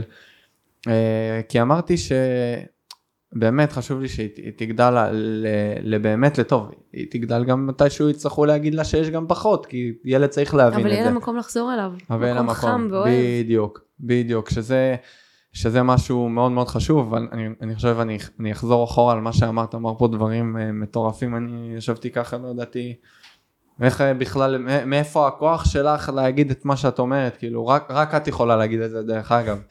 אני לא חושב שיש מישהו את הזכות בעולם לבוא ולהגיד לך, אורין, תשמעי, תסלחי לאבא, תאהבי אותו, כאילו, איך וואו, אפשר? כשאמרו לי את זה פעם ראשונה, אני כמעט התחרפנתי. אמרו לי, אתה יודע, הלכתי, אני באמת חיפשתי, אז כאילו הלכתי לאיזה מטפל שאמר לי, צריכה לסלוח לאבא שלך. ומסתכלת עליו ככה, ואני בראש שלי, אתה עברת את לילות הגיהנום האלה? אתה, אבל משהו חלחל. אמרתי, מה זה הדבר הזה? מה זה הסליחה הזאת שהוא מדבר עליה? סליחה בשביל להמשיך. בדיוק, אבל מי בכלל הבין את זה? כי אתה יודע, כשאתה חי באנרגיית כעס, וכל מה שאתה מכיר זה או כעס מתפרץ, או עצבות מתפרצת, והכל מתפרץ ממך, אתה לא מבין בכלל שיש אופציה לשחרר כעס ולחיות עם אוויר. וכשהוא אמר לי את זה, אני יצאתי מזועזעת, איזה חוצפן, איך הוא אומר לי דבר כזה. ואז מישהי אמרה לי, היא שאלה אותי, איפה אבא שלך? אז אמרתי, נפטר מסרטן. והיא אמרה לי, את יודעת איזה מוזר? שמעתי שגברים שנפטרים מוקדם מסרטן, סביר להניח שהם עברו משהו בילדות שלהם. אני מסתכלת עליה, אני פותחת את העיניים ככה, ואני אומרת לה, תחזרי על זה? ופתאום התעוררה בי תחושה חדשה שלא הכרתי. אני קוראת לזה 3% חמלה. זה כל מה שהתעורר בי. אז אמרתי, רגע, רגע, אני צריכה ללכת לבדוק מה זה הדבר הזה שהיא דיברה. התחלתי לחקור, העברה בין דורית. ואת הרקע, ואת המשפחה, והתחלתי לשאול את אימא, והתחלתי לבדוק, והתחלתי... פתאום התמונה התבהרה לי. ש- שזה אפילו, כשאנחנו לא, בהיעדר טיפול, בהיעדר תהליך התפתחותי, אנחנו כלים. אנחנו כלים של מצב הרוח שלנו, אנחנו כלים של הדחפים שלנו, אנחנו כלים של הטראומות שלנו. הרי אם עכשיו יבוא אליך בן אדם וירביץ לך עם מקל, אתה תכעס על המקל או על הבן אדם? על הבן אדם כביכול, נכון? כי המקל הוא רק כלי. אבל מה שאנחנו לא מבינים שבהיעדר טיפול, האדם הוא כלי. הוא נשלט על ידי. וכשאני הבנתי את זה, אמרתי, אני לא רוצה להישלט על ידי אבא שלי, מצבי הרוח שלי. הטראומות שלי, אני רוצה, אני רוצה. הנה, אתמול דיברתי עם חברה, ואמרתי לה, היא, ש... היא שאלה אותי, אבל אני לא מבינה למה אנשים עושים ככה וככה וככה. אמרתי יפה שלי, עכשיו אני מדברת איתך על משהו, שלא בא לי לדבר איתך. אני אומרת לך את האמת. לא בא לי לדבר איתך על איקס, אבל, אבל יש לי דחף, אוקיי? כרגע אני מודעת לזה שאני נשלטת על ידי הדחף שלי. אבל איתך אני מסכימה לעצמי לעשות את זה, כי את החברה הכי טובה שלי. אז אין לי בעיה לדבר על הכל. אבל את צריכה להבין שרוב האנשים נשלטים על ידי הדחפים שלהם בצורה מוחלטת. ואז אין שם איזושהי מודעות שאת יכולה לבוא ולכעוס ולהגיד הוא עשה במודע. מי אנחנו בכלל? עם טיפה חמלה להסתכל על אנשים ולהגיד בהיעדר טיפול אנחנו כלים מסכנים. באמת מסכנים, איזה קשה זה לחיות ככה, שהדחפים שלך שולטים בך, שמצבי הרוח שלך שולטים בך, וואי, שאנשים וואי, וואי. שולטים בך, זה בלתי נסבל. ואתה יודע, אתה אמרת בהתחלה, בהתחלה, שאנחנו מדינה בפוסט טראומה, שכולנו פוסט טראומטיים, יותר מזה. אני חושבת שמעצם זה שנולדנו, כולנו צריכים ללכת לטיפול. למה? זה גם לא בושה, זה הבעיה. זה הדבר הכי טוב. בעולם. אנשים חושבים שזה בושה. כי במילה טיפול יש איזושהי קונוטציה של מה, אני חולה, אני צריך שיטפלו בי? לכן לא הלכתי, לכן העמותה שהקמתי היא לא טיפולית. היא עוד שנייה אימונית. אנחנו ניגע לזה. את עוד שנייה תביני, עשיתי משהו הפוך לגמרי. מדהים. אז, אז בעיניי, אני, אני אגיד לך מה, בעיניי לכל אדם, גם לבעלי שהוא הכי חכם ומקסים ובאמת גדל ב, בילדות טובה, קרה איזשהו אירוע בילדות שבאופן לא מודע פיצל בין הרגש לבין השכל שלנו. ובאופן לא מודע בחרנו או ברגש או בשכל. ובעולם שבחרנו, בעולם השני אנחנו נשלם מחיר מאוד מאוד כבד. אתה רואה עורכי דין, עם מיליונים, מצליחים, עם מערכות יחסים כושלות, עם בגידות, עם גירושים. למה? כולם חושבים שהוא מוצלח רוצה שאני ותותח. אספר לך סיפור? ברור, אחת תמיד. ההרצאות שלי. אני מגיע, מספר, ב... ישב מולי בן אדם, אני לא יודע, מיליונר או מיליארדר. שמע את ההרצאה שלי. וזה היה לפני שחשפתי את כל הסיפור. היה, הייתי בהתחלה עומד ואומר שעברתי התעללות רק ורשלנות רפואית, לא סיפרתי על אונס. היום כבר אני מדבר על הכל פתוח. והוא הגיע אליי בסוף והוא אומר לי, תשמע, יש לך הרצאה, אתה... אבל כאילו, אוקיי. עכשיו הוא בא אליי עם הרולקס עליה, ומרצדס, כאילו אני מספר את זה תמיד, כי זה הדבר שהבנתי כמה לא הכל זוהר ולא הכל נוצץ, עומר אדם שר על זה. נכון. אה, ואז אני אומר לו, אפשר לשאול שאלה? עושה לי, כן. יש לך אישה בבית? יש לך אישה, אתה נשוי? עושה לי, כן, כי ראיתי שיש לו טבעת. עושה לו, ואשתך יודעת מי אתה? יש לכם זמן איכות ביחד והכל, הוא שתק. ואז אמרתי לו, אני יכול להיות חצוף ולשאול עוד שאלה? הוא אומר לי, כן. אמרתי לו, תגיד, יש לך ילדים? הוא אומר לי, כן, יש לי שלושה ילדים. אמרתי לו, והם יודעים מי זה אבא שלהם? ואז הוא התחיל לדמוע. ואז הוא אמר לי, זה מרגש ואז- אותי כי זה כזה מדהים. ואז הוא הלך. הוא, הוא נתן לי חיבוק כזה על הכתף, הוא אמר לי תודה רבה, והוא הלך. את יודעת, לא, לא הכל נוצץ, את יודעת, אני בהתחלה באו אליי אנשים, לא יודעים את התהליך שאני עברתי, להשתק... אני, אני מאוד שאמרתי, אני הלכתי כמו מכונה, ברגע שאני בחרתי בחיים, אמרתי, אני נכנסתי לטירוף. של משמעות. דרך אגב, נגעת על אחריות, לקחתי אחריות על החיים, יש לי בתהליך שאני מעביר אנשים משולש החיים. אמונה, אחריות, בחירה. זה הכלי המרכזי להתחיל לחיות את החיים. באמת בן אדם חייב לבחור בחיים וכל מדינת ישראל עכשיו צריכים לבחור בחיים. ואמרתי ונגעתי בזה המון, אנשים אומרים לי מה זה לבחור בחיים? צריך לבחור בחיים, לקום בבוקר, לבחור בחיים, לבחור בחיים של משמעות, לבחור בחיים של עשייה, להבין שצריך להמשיך, להבין שצריך, משבר מגיע לחיים כדי שנצמח ממנו למשהו חזק יותר וטוב יותר. והדבר השני זה אמונה, בן אדם חייב אמונה, ואם לא במשהו אז לפחות בעצמו, להאמין שזה אפשרי, להאמין שאפשר לעשות את זה. והדבר שלישי זה אחריות, אני קיללתי את ההורים שלי, למה הבאתם אותי לעולם, את הרופאים, אני זוכר באתי באחד הטיפולים שברתי לו כמעט את- המרפאה, די כבר ואני לא יכול ואת כולכם אה, הורגים אותי, עד שאתה אומר רגע, זה החיים שלך, זה לא החיים שלהם. קח אחריות על החיים שלך, כי אף אדם אחר לא יכול לקחת אחריות על החיים שלך, ואני אומר את זה לתלמידים היום, אל תאשימו מורים, אל תאשימו מפקדים ת- תאשימו את הבוס שלכם, הכל אתם, זה החיים שלכם, אתם רוצים לחיות חיים טובים יותר, קחו אחריות, וזה גם מה שעשית, וזה גם מדהים. המקום לצאת באמת גם מה, מה, מהקורבן, מהקורבנות, מהמקום המסכן, וליצור חיים, כי יש חיים טובים יותר, יש ואני עם כל, ה... אני אומר לך אורין עד היום, אני בורח לי במכנסיים, ואני משתין על עצמי עדיין מדי פעם בלילה, ואני סיוטים, והתקפים, והתעלפויות, וכאבי תופת, ואני אומר לך כאבים, אנשים לא יודעים מה זה כאבים, אני לוקח עד היום כדורים, לא כמו פעם, ואני לוקח קנאביס רפואי. כאבי תופת, בסדר? בן אדם לא יכול להחזיק עכשיו דקה עם הכאב הזה. ואני חי, ואני קם כל בוקר, ואני חי את החיים, ואני מודה לאלוהים, וכשאני אומר מודה, אני, יש לי דמעות ובכי על החיים, ואני מבין שאף אחד לא מבטיח לנו את המחר. ואני קם בידיעה שהעולם הזה, יש לי שליחות בו. אני לא עברתי סתם את מה שעברתי. אמרתי גם, כל התקופה שאני חקרתי את עצמי, אני לא עברתי סתם את מה שעברתי. התחלתי, עשיתי תואר ראשון בחינוך גופני, חינוך מיוחד, התחלתי להתנדב עם נוער בסיכון, ילדים עם צרכים מיוחדים. אה, באמת, ופתאום התחיל לפנות אליי נכים, ופתאום אפילו ממלחמת יום כיפור פנו אליי, ופתאום הלומי קרב, ו- ו- ופונים אליי אנשים ואני אומר, אני לא פרסמתי כלום. הכל פה לאוזן, את לא תראי אותי לפני כמה שנים שאני מפרסם, היום כבר אני מעלה יותר ומודעות וכבר אנשים כבר יותר יודעים. עבדתי ארבע שנים במשרד החינוך עם חינוך מיוחד, עבדתי בהכנה לצבא, עבדתי קבוצות כושר, מבוגרים, הכל. ופתאום לאט לאט זה הביא אותי באמת לשליחות האמיתית שלי בחיים, שזה להקים את העמותה. אמרתי, די, המדינה הזאת חייב להיות משהו, מקום שנותן מעטפת, שזה לא פסיכולוג, לא פסיכיאטר, שדרך אגב עד היום אני מטופל פסיכולוגית ופסיכיאטרית שהן מדהימות והן כמו אימהות בשבילי. אבל זה לא, זה לא באמת, זה לא הכלים שבאמת יעזרו לך לקום בבוקר לבנות שגרה, איך, איך בונים משמעות, איך יוצרים משמעות בחיים, איך בוחרים בחיים, נכון. איך מתמודדים באמת עם חרדה.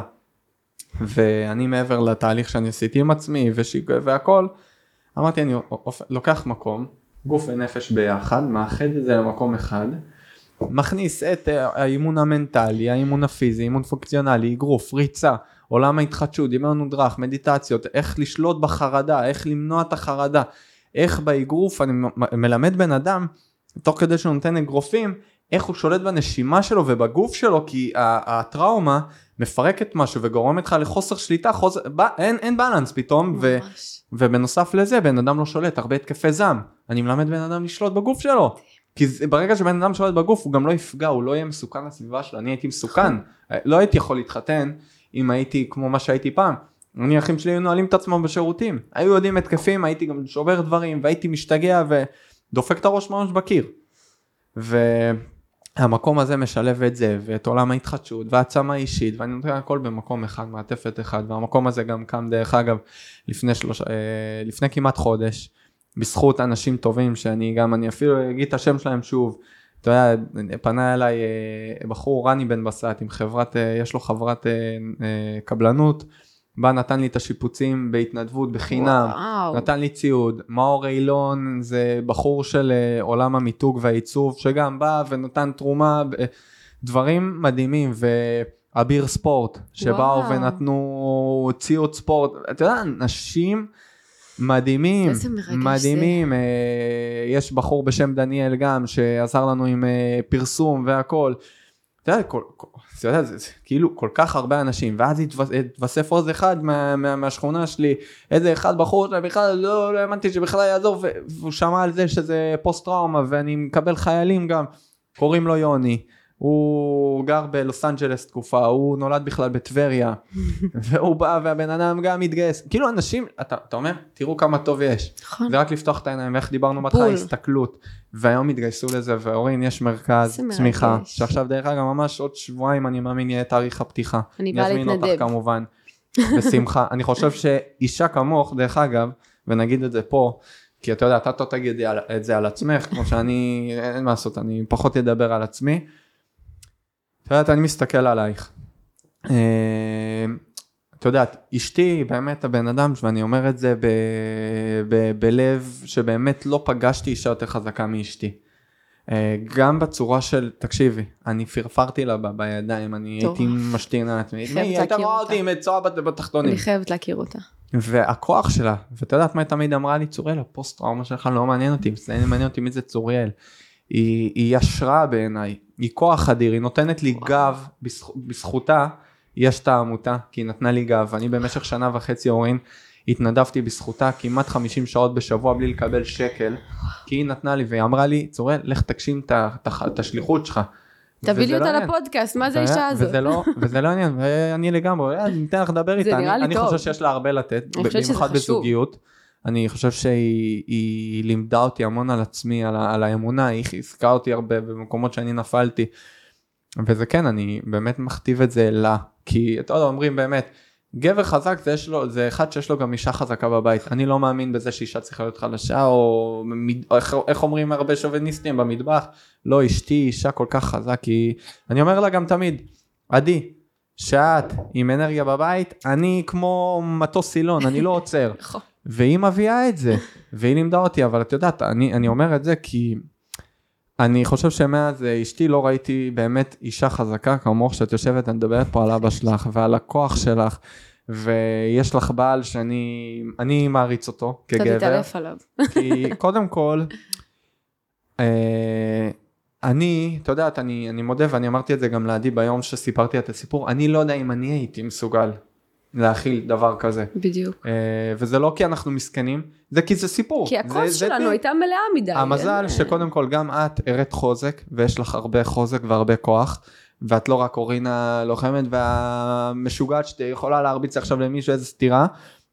Uh, ואני גם, אני חושב שמה שעזר לידי באמת להיות איתי זה שהיא ראתה כוח. נכון. וכוח זה מה שאת יכולה להביא עכשיו, במיוחד בתקופה הזאת לאנשים, אמרת, את אה, בצבא ומגע והכל. ואני חושב שראית את זה בעיניים שלך כמה היום אנשים צריכים כוח. מאוד. את יודעת היום בתהליכים אני בניתי שיטה כל תקופת הקורונה שלוש שנים כתבתי שיטה מאפס למאה איך מעבירים בן אדם תהליך באמת מכלים שאני חוויתי הבשרי מעבר לזה שלמדתי אימון מנטלי ועשיתי תואר ראשון והכשרות והכשרות בעולם הטיפול והכל וכושר גופני מתקדם ואני מה לא בסוף אתה יושב מול בן אדם ואתה מבין שזה עולם אחר ועכשיו מ-7 לאוקטובר אני מבין שכל מה שאנשים צריכים היום זה מעבר לזה שבאמת יסתכלו עליהם ויגידו זה בסדר להיות לא בסדר זה לתת כוח לבן אדם. אז צריכים הרבה אנשים כמוך כי את יודעת אני אומר אני אומר לאנשים אתה יודע, אני יכול לעשות איקס אנשים כאילו ללוות איקס אנשים אני מנסה להשפיע כמה שאני יכול ו- ולתת כוח. צריכים עוד כמה שיותר אנשים חייב, כאלה. חייב, חייב. אה, אז בהחלט יש לך הרבה כוח. אני, אתה יודע, אני חושב שאפשר לדבר פה עוד, אני חושב שעות. כמה זמן אנחנו בכלל בתוך הפודקאסט? איזה שעתיים? וואו. אז אז אני יכול אני להגיד... חושבת שאנחנו אפילו נעשה אולי עוד פרק. אה, לגמרי. זה היה מרתק. ואת יודעת, אני באמת מאמין שאנחנו נמצאים בתקופה שצריכים את הכוח הזה. הפודקאסט הזה, אה, זה פודקאסט קודם כל שאני תמיד, אני אומר לאנשים, אנשים חושבים שהתהליך שלי, וכאילו אנשים רואים אותי בפסגה, הם לא ראו את מה קרה עד. או, בדיוק, מבינה? תמונת ניצחון, זה מה שהם רואים. כן, למרות שאני אני אומר, התמונת ניצחון שלי זה שכל זה, כל בוקר אני, אני מנצ... את יודעת, ההרצאה שלי קוראים לה לחיות בניצחון וצמיחה. ואנשים אומרים, מה זה השם הזה? אז קודם כל צמיחה, כל יום שאנחנו בחיים אנ- ואנחנו עושים פעולה של התקדמות זה צמיחה. גם אם היא הכי קטנה, אנחנו צומחים. לאט לאט וגדלים לאיזה עץ גדול וחזק ושורשים וענפים ו... והניצחון זה זה שאתה קם בבוקר ואתה בוחר בחיים ואנחנו נמצאים בתקופה שבאמת קשה לקום ולהגיד אני בוחר בחיים, אני מסתכל על החיים בלבן של העיניים ואני קם ואני טורף ואני עושה ואני בא לעשות טוב בעולם הזה, את יודעת, אני מאמין שהגענו לעולם הזה לעשות טוב. אני מאמין שעברתי את מה שעברתי כי הייתי צריך להעיר לאנשים אחרים את החיים וכדי להביא באמת את מה שעברתי כדי שזה גם לא יקרה. ואני יכול להגיד לך שאני היום מעביר הרצאות בצבא ופונים אליי גם גברים, מפקדים ואומרים לי תודה רבה. ופנו אליי כבר אה, ביחידות אה, מובחרות שהעברתי הרצאה שגם הם עברו סיפור דומה והם אמרו לי תודה על הכוח שנתתי להם לדבר. אז מבחינתי זה שווה הכל. אומרים כל האדם המציל נפש אחת בישראל כאילו, כאילו הציל עולם ומלואו. אז אני לא חי באמת כדי להציל אנשים. אני חי אנשים אני חי היום ואני אמרתי גם לאשתי כי באמת אני רוצה שהעולם הזה יהיה מקום טוב יותר עבור הילדים שלנו. כי זה מה שמעניין. אה, ואם אנשים באמת יתמקדו בזה בטוב ולא בשנאת חינם מה שהיה ומי היא ומה ומו והיא והוא חבר'ה זה, זה מדינה של כולנו אם לא המדינה תתפרק פשוט נכון, אני חושבת אבל שהתיקון מתחיל מכל אחד מאיתנו, כל אחד כמוני כמוך. שהולך ועושה רגע היכרות עם עצמו, כי בוא, רוב האנשים מסתובבים בעולם הזה בלי להכיר את עצמם, ו- ואנשים גם לא מבינים כמה הדבר הזה פרקטי, כי תחשוב, בוא נחשוב רגע על תינוק, אוקיי? תינוק נולד עם שני צרכים מאוד מאוד גדולים, צורך אחד זה חיבור לעצמו, הצורך השני זה חיבור לסביבה, אבל שני הצרכים האלה ברוב הזמן לא עובדים ביחד. לצורך העניין, דוגמה הכי קטנה שיש, אה, עכשיו הולכים לסבא וסבתא. הילד אומר, לא רוצה. אין לילדים פילטרים בפה, נכון? מה שהם מרגישים, זה מה שהם אומרים. מר- עכשיו, אם אתה גם עומד... מראים עם הגוף בדיוק. עכשיו, אם הילד אומר לא רוצה, ואתה מסביר לו רגע באופן רציונלי, אנחנו עכשיו קבענו עם סבא וסבתא, האופציות שלנו אחר כך זה ללכת לג'ימבורי או לחזור הביתה, מה תרצה לעשות אחרי זה, או לתת לו איזשהו דרך לבחור, להיות חלק מההחלטה, זה בסדר, אבל רוב האנשים מה יעשו? אתה ילד רע, מה זה לא רוצה ללכת לסבא וסבתא, אוי ואבוי לך. ואז מה הוא מבין באופן לא מודע? שהחיבור לעצמו עולה לו בחיבור עם הסביבה. ואז כשהחיבור עם הסביבה נפגע, זה הרבה יותר קריטי מאשר עם החיבור עם עצמו. אז. כל פעם הוא יתחיל לוותר על עצמו ולהגיד, רגע, רגע, מה שאני רוצה זה לא טוב, כי אם אני עושה משהו, אומרים לי שאני ילד רע, וילדים רעים לא מקבלים אהבה. אז אני אוותר, ואני אוותר, ואני אוותר. ואנשים חיים כדי לרצות אחרים, כדי שיגידו איזה טובים הם, בשביל התחרויות, בשביל הציונים, בשביל שרק טיפה יאהבו היום- אותם. עזבי אורין, אני לוקח אותך למקום הכי זה, אנשים חיים היום בשביל לייקים ובשביל כמות עוקבים. בול. זה מה שעושה לאנשים את זה, את יודעת, בדיוק. מישהו בא אליי, את יודעת, אני גייסתי אנשים, הרבה אנשים טובים, ואני אומר, כל אחד שהגיע, הכי מדויק ונכון. נכון. ואני באתי, לא משנה למישהו, ואמרתי לו, בוא, אני רוצה שתיתנו איזה חסות. אמר לי, כמה עוקבים יש לך? סיפור חיי. אמרתי, אמרתי, רגע, זה מה שמעניין אותך? אני אומר לך, האנשים, אני, אתה יודע, גם היום יש לי, יש לי הודעות ושיחות ודברים, ואנשים, עדות מה שנקרא, על אנשים שבאמת זה עוזר להם. זה מה שמעניין אותך? אני אומר לך, יש לך אפשרות להציל חיים של אנשים. העמותה מצילה חיים לאנשים. מדהים. מצילה, ואני אומר לך, אורין, מצילה, ואני אראה לך תמונות, אה, אני אראה לך אחר כך, אנחנו נסיים, של הודעות מחיילים שהיו בשביעי לאוקטובר, שהם היו שבר כלי, ואומרים לי, היום בזכותך אנחנו פתאום ישנים בלילה, ו- ולא עשיתי יותר מרגש. מדי, בסך הכל עשיתי איתם פעולות מאוד מאוד אה, בסיסיות, גרמתי להם קודם כל לקבל את מה שקורה להם, לקבל את התחושה של הרגע, אני לא, אני לא בסדר עכשיו, אה, להפסיק להסכים, לה- להסכים, להסכים להיות לא בסדר. בדיוק, ומשהו שהרבה אנשים במדינה יצטרכו להעלים זה האשמה, נכון. שהיא לא נכונה. יכולתי לעשות יותר. הייתי יכול להציל יש לי אותו. פרק על זה בפודקאסט, כן? אשמת אני ניצולים והרשות. לשמוח, זה פרק מטורף, ו- וזה בדיוק העניין, באיך איך לתקן את החושך המטורף הזה שקרה לנו פה, את הפילוג הזה, קודם כל, קודם כל, תעשה סדר בבית שלך, בנפש שלך, כל אחד ידליק תכיר את עצמך. בדיוק. כי אם אתה טוב כלפי עצמך, אתה לא רוצה להרע לאחרים, חד משמעית. ואתה רוצה להיות אדם טוב יותר לסביבה. רק ככה נתקן, כשנתקן את עצמנו, את מערכות היחסים שלנו, את השכנות שלנו, את החברויות שלנו, לאט לאט נוכל לעשות יותר טוב ברמת המקרו, אם זה לעיר שלנו, לאנשים סביבנו.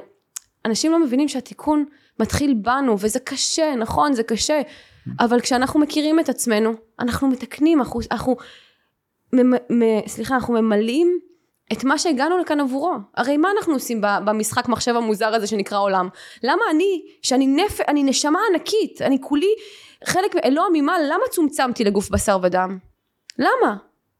כי ירדתי לכאן להתפתח. ירדתי לכאן לתקן, ירדנו כולנו. לפה, ירדנו פה גם ל, ל, לעשות משהו, אנשים צריכים להבין שהמשמעות של, אה, של הבן אדם בסוף זה קודם כל להיות בעשייה, אנחנו בעולם של. עמל נכון. ונתינה.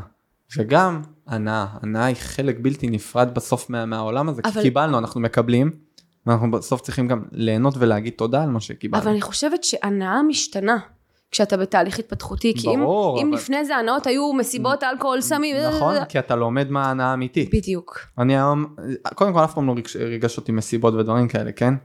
אה, אותי מרגש, אה, הילדה שלי אומרת לי אבא. יואו. אה, מרגש אותי לראות את החיוך של אשתי שאני חוזר הביתה.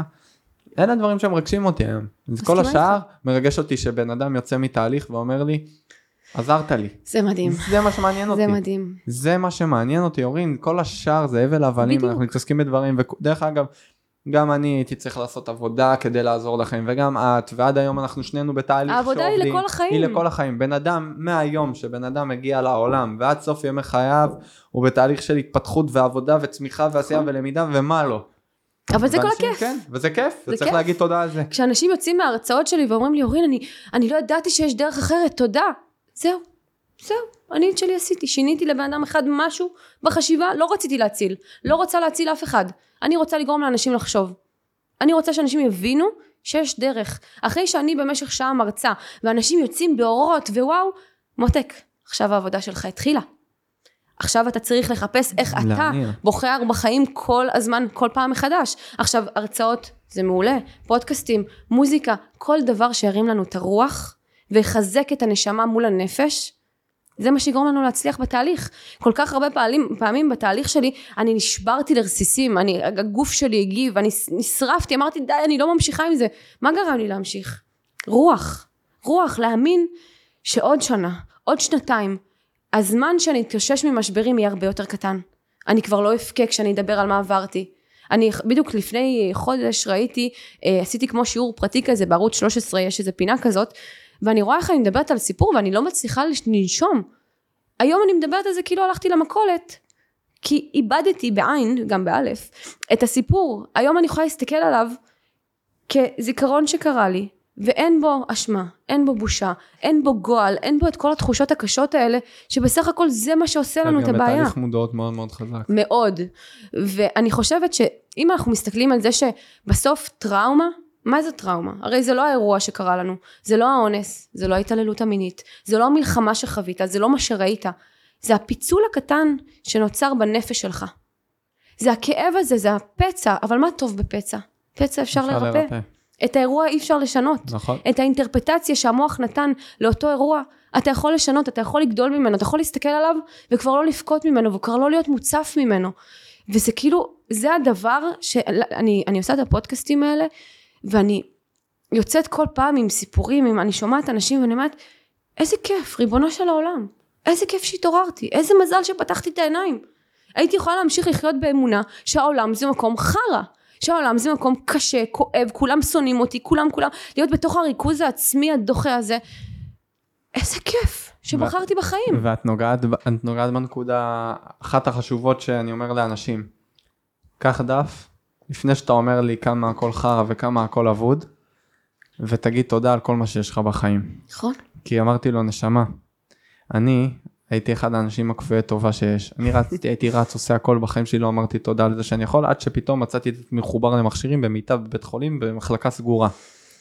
אז נשמה, לך תגיד תודה על מה שיש לך. ממש. לך תגיד תודה על הסביבה שלך, תגיד תודה על זה שאתה עומד על הרגליים, אחר כך בוא תתלונן, ותגיד לי, ממש. אז נראה אותך מתלונן. ערך החיים, הבחירה, כל מה שנגעת, אני לא חושב שאפשר לתת ציון ממש. יותר טוב ממה שעכשיו סגרת ככה את המעגל. אני אגיד לך דבר אחרון, ועם זה אני חושבת שנסיים, על עניין הכרת התודה. כשאני קמה בבוקר, אני מתעוררת, כולי כזה, לוקח לי כמה דקות להתעורר, אני עושה מודה אני, אני עומדת מול המראה ואומרת לעצמי, בואנה מותק, את נס גלוי. את יודעת, זוכרת שאת נס גלוי? אני כזה, וואו, יכולתי להיות עם חיים אחרים לחלוטין, אני בחרתי, אני בניתי לעצמי חיים טובים כי מגיע לי. כי מגיע לדורות הלאה, ואני בטוחה שגם דורות אחורה עשו שלום ביניהם בזכותי. וה- והדורות קדימה. יהיה להם חיים נהדרים, מלאי אהבה, כי בסוף מה אנחנו צריכים צוריאל? אהבה. אהבה. האהבה ריפאה אותי, האהבה מרפ- מרפאת אותי, והאהבה הזאת שאני היום מקבל, את יודעת, בעיקר מהבית, וזה מה שאני צריך בסוף, זה מה שנותן לך את ה-drive בחיים, זה מה שנותן לך את ה-drive, וזה מה שנותן לי באמת הכוח לקום ולהתמודד כל יום, וכל יום אני בוחר מחדש בחיים. ואין לי לילה שקל לי, ואין לי יום שקל לי. אבל uh, מה שהופך את זה כי ליותר קל ולאפשרי, זה באמת האהבה. אהבה, אהבה. וזה מה שכולם צריכים, אהבה. וכל המדינה הזאת, אנחנו שול, אני שולח לכולם אהבה. כן, אני שולחת אחדות, ואהבה, אחדות, ושמחה, אהבה, וכוח, הרבה כוחות לגמרי. להמשיך מהדבר הזה שחווינו, ואנחנו מסוגלים. כי תראה לי עוד עם אחד, שבכל דור ודור עמדו עלינו לכלותנו, ואנחנו קמים. קמים, וקמים קמים ונהיים. מעצמה מטורפת. חזקים יותר גם. אז אנחנו אוהבים את עם ישראל, לגמרי. ואנחנו אוהבים את החיים האלה. וצוריאל, תודה, היה לי פשוט תודה מדהים. לך על הזכות לשמוע את הסיפור, את השיתוף שלך, שאני יודע כמה הוא קשה. אני גם יודע, אנשים רואים את זה מפה, אני מרגיש את ה- בסוף באנ- באנרגיה, כמה זה קשה להוציא אה, דברים מסוימים מפה. אה, אז באמת תודה לך. תודה.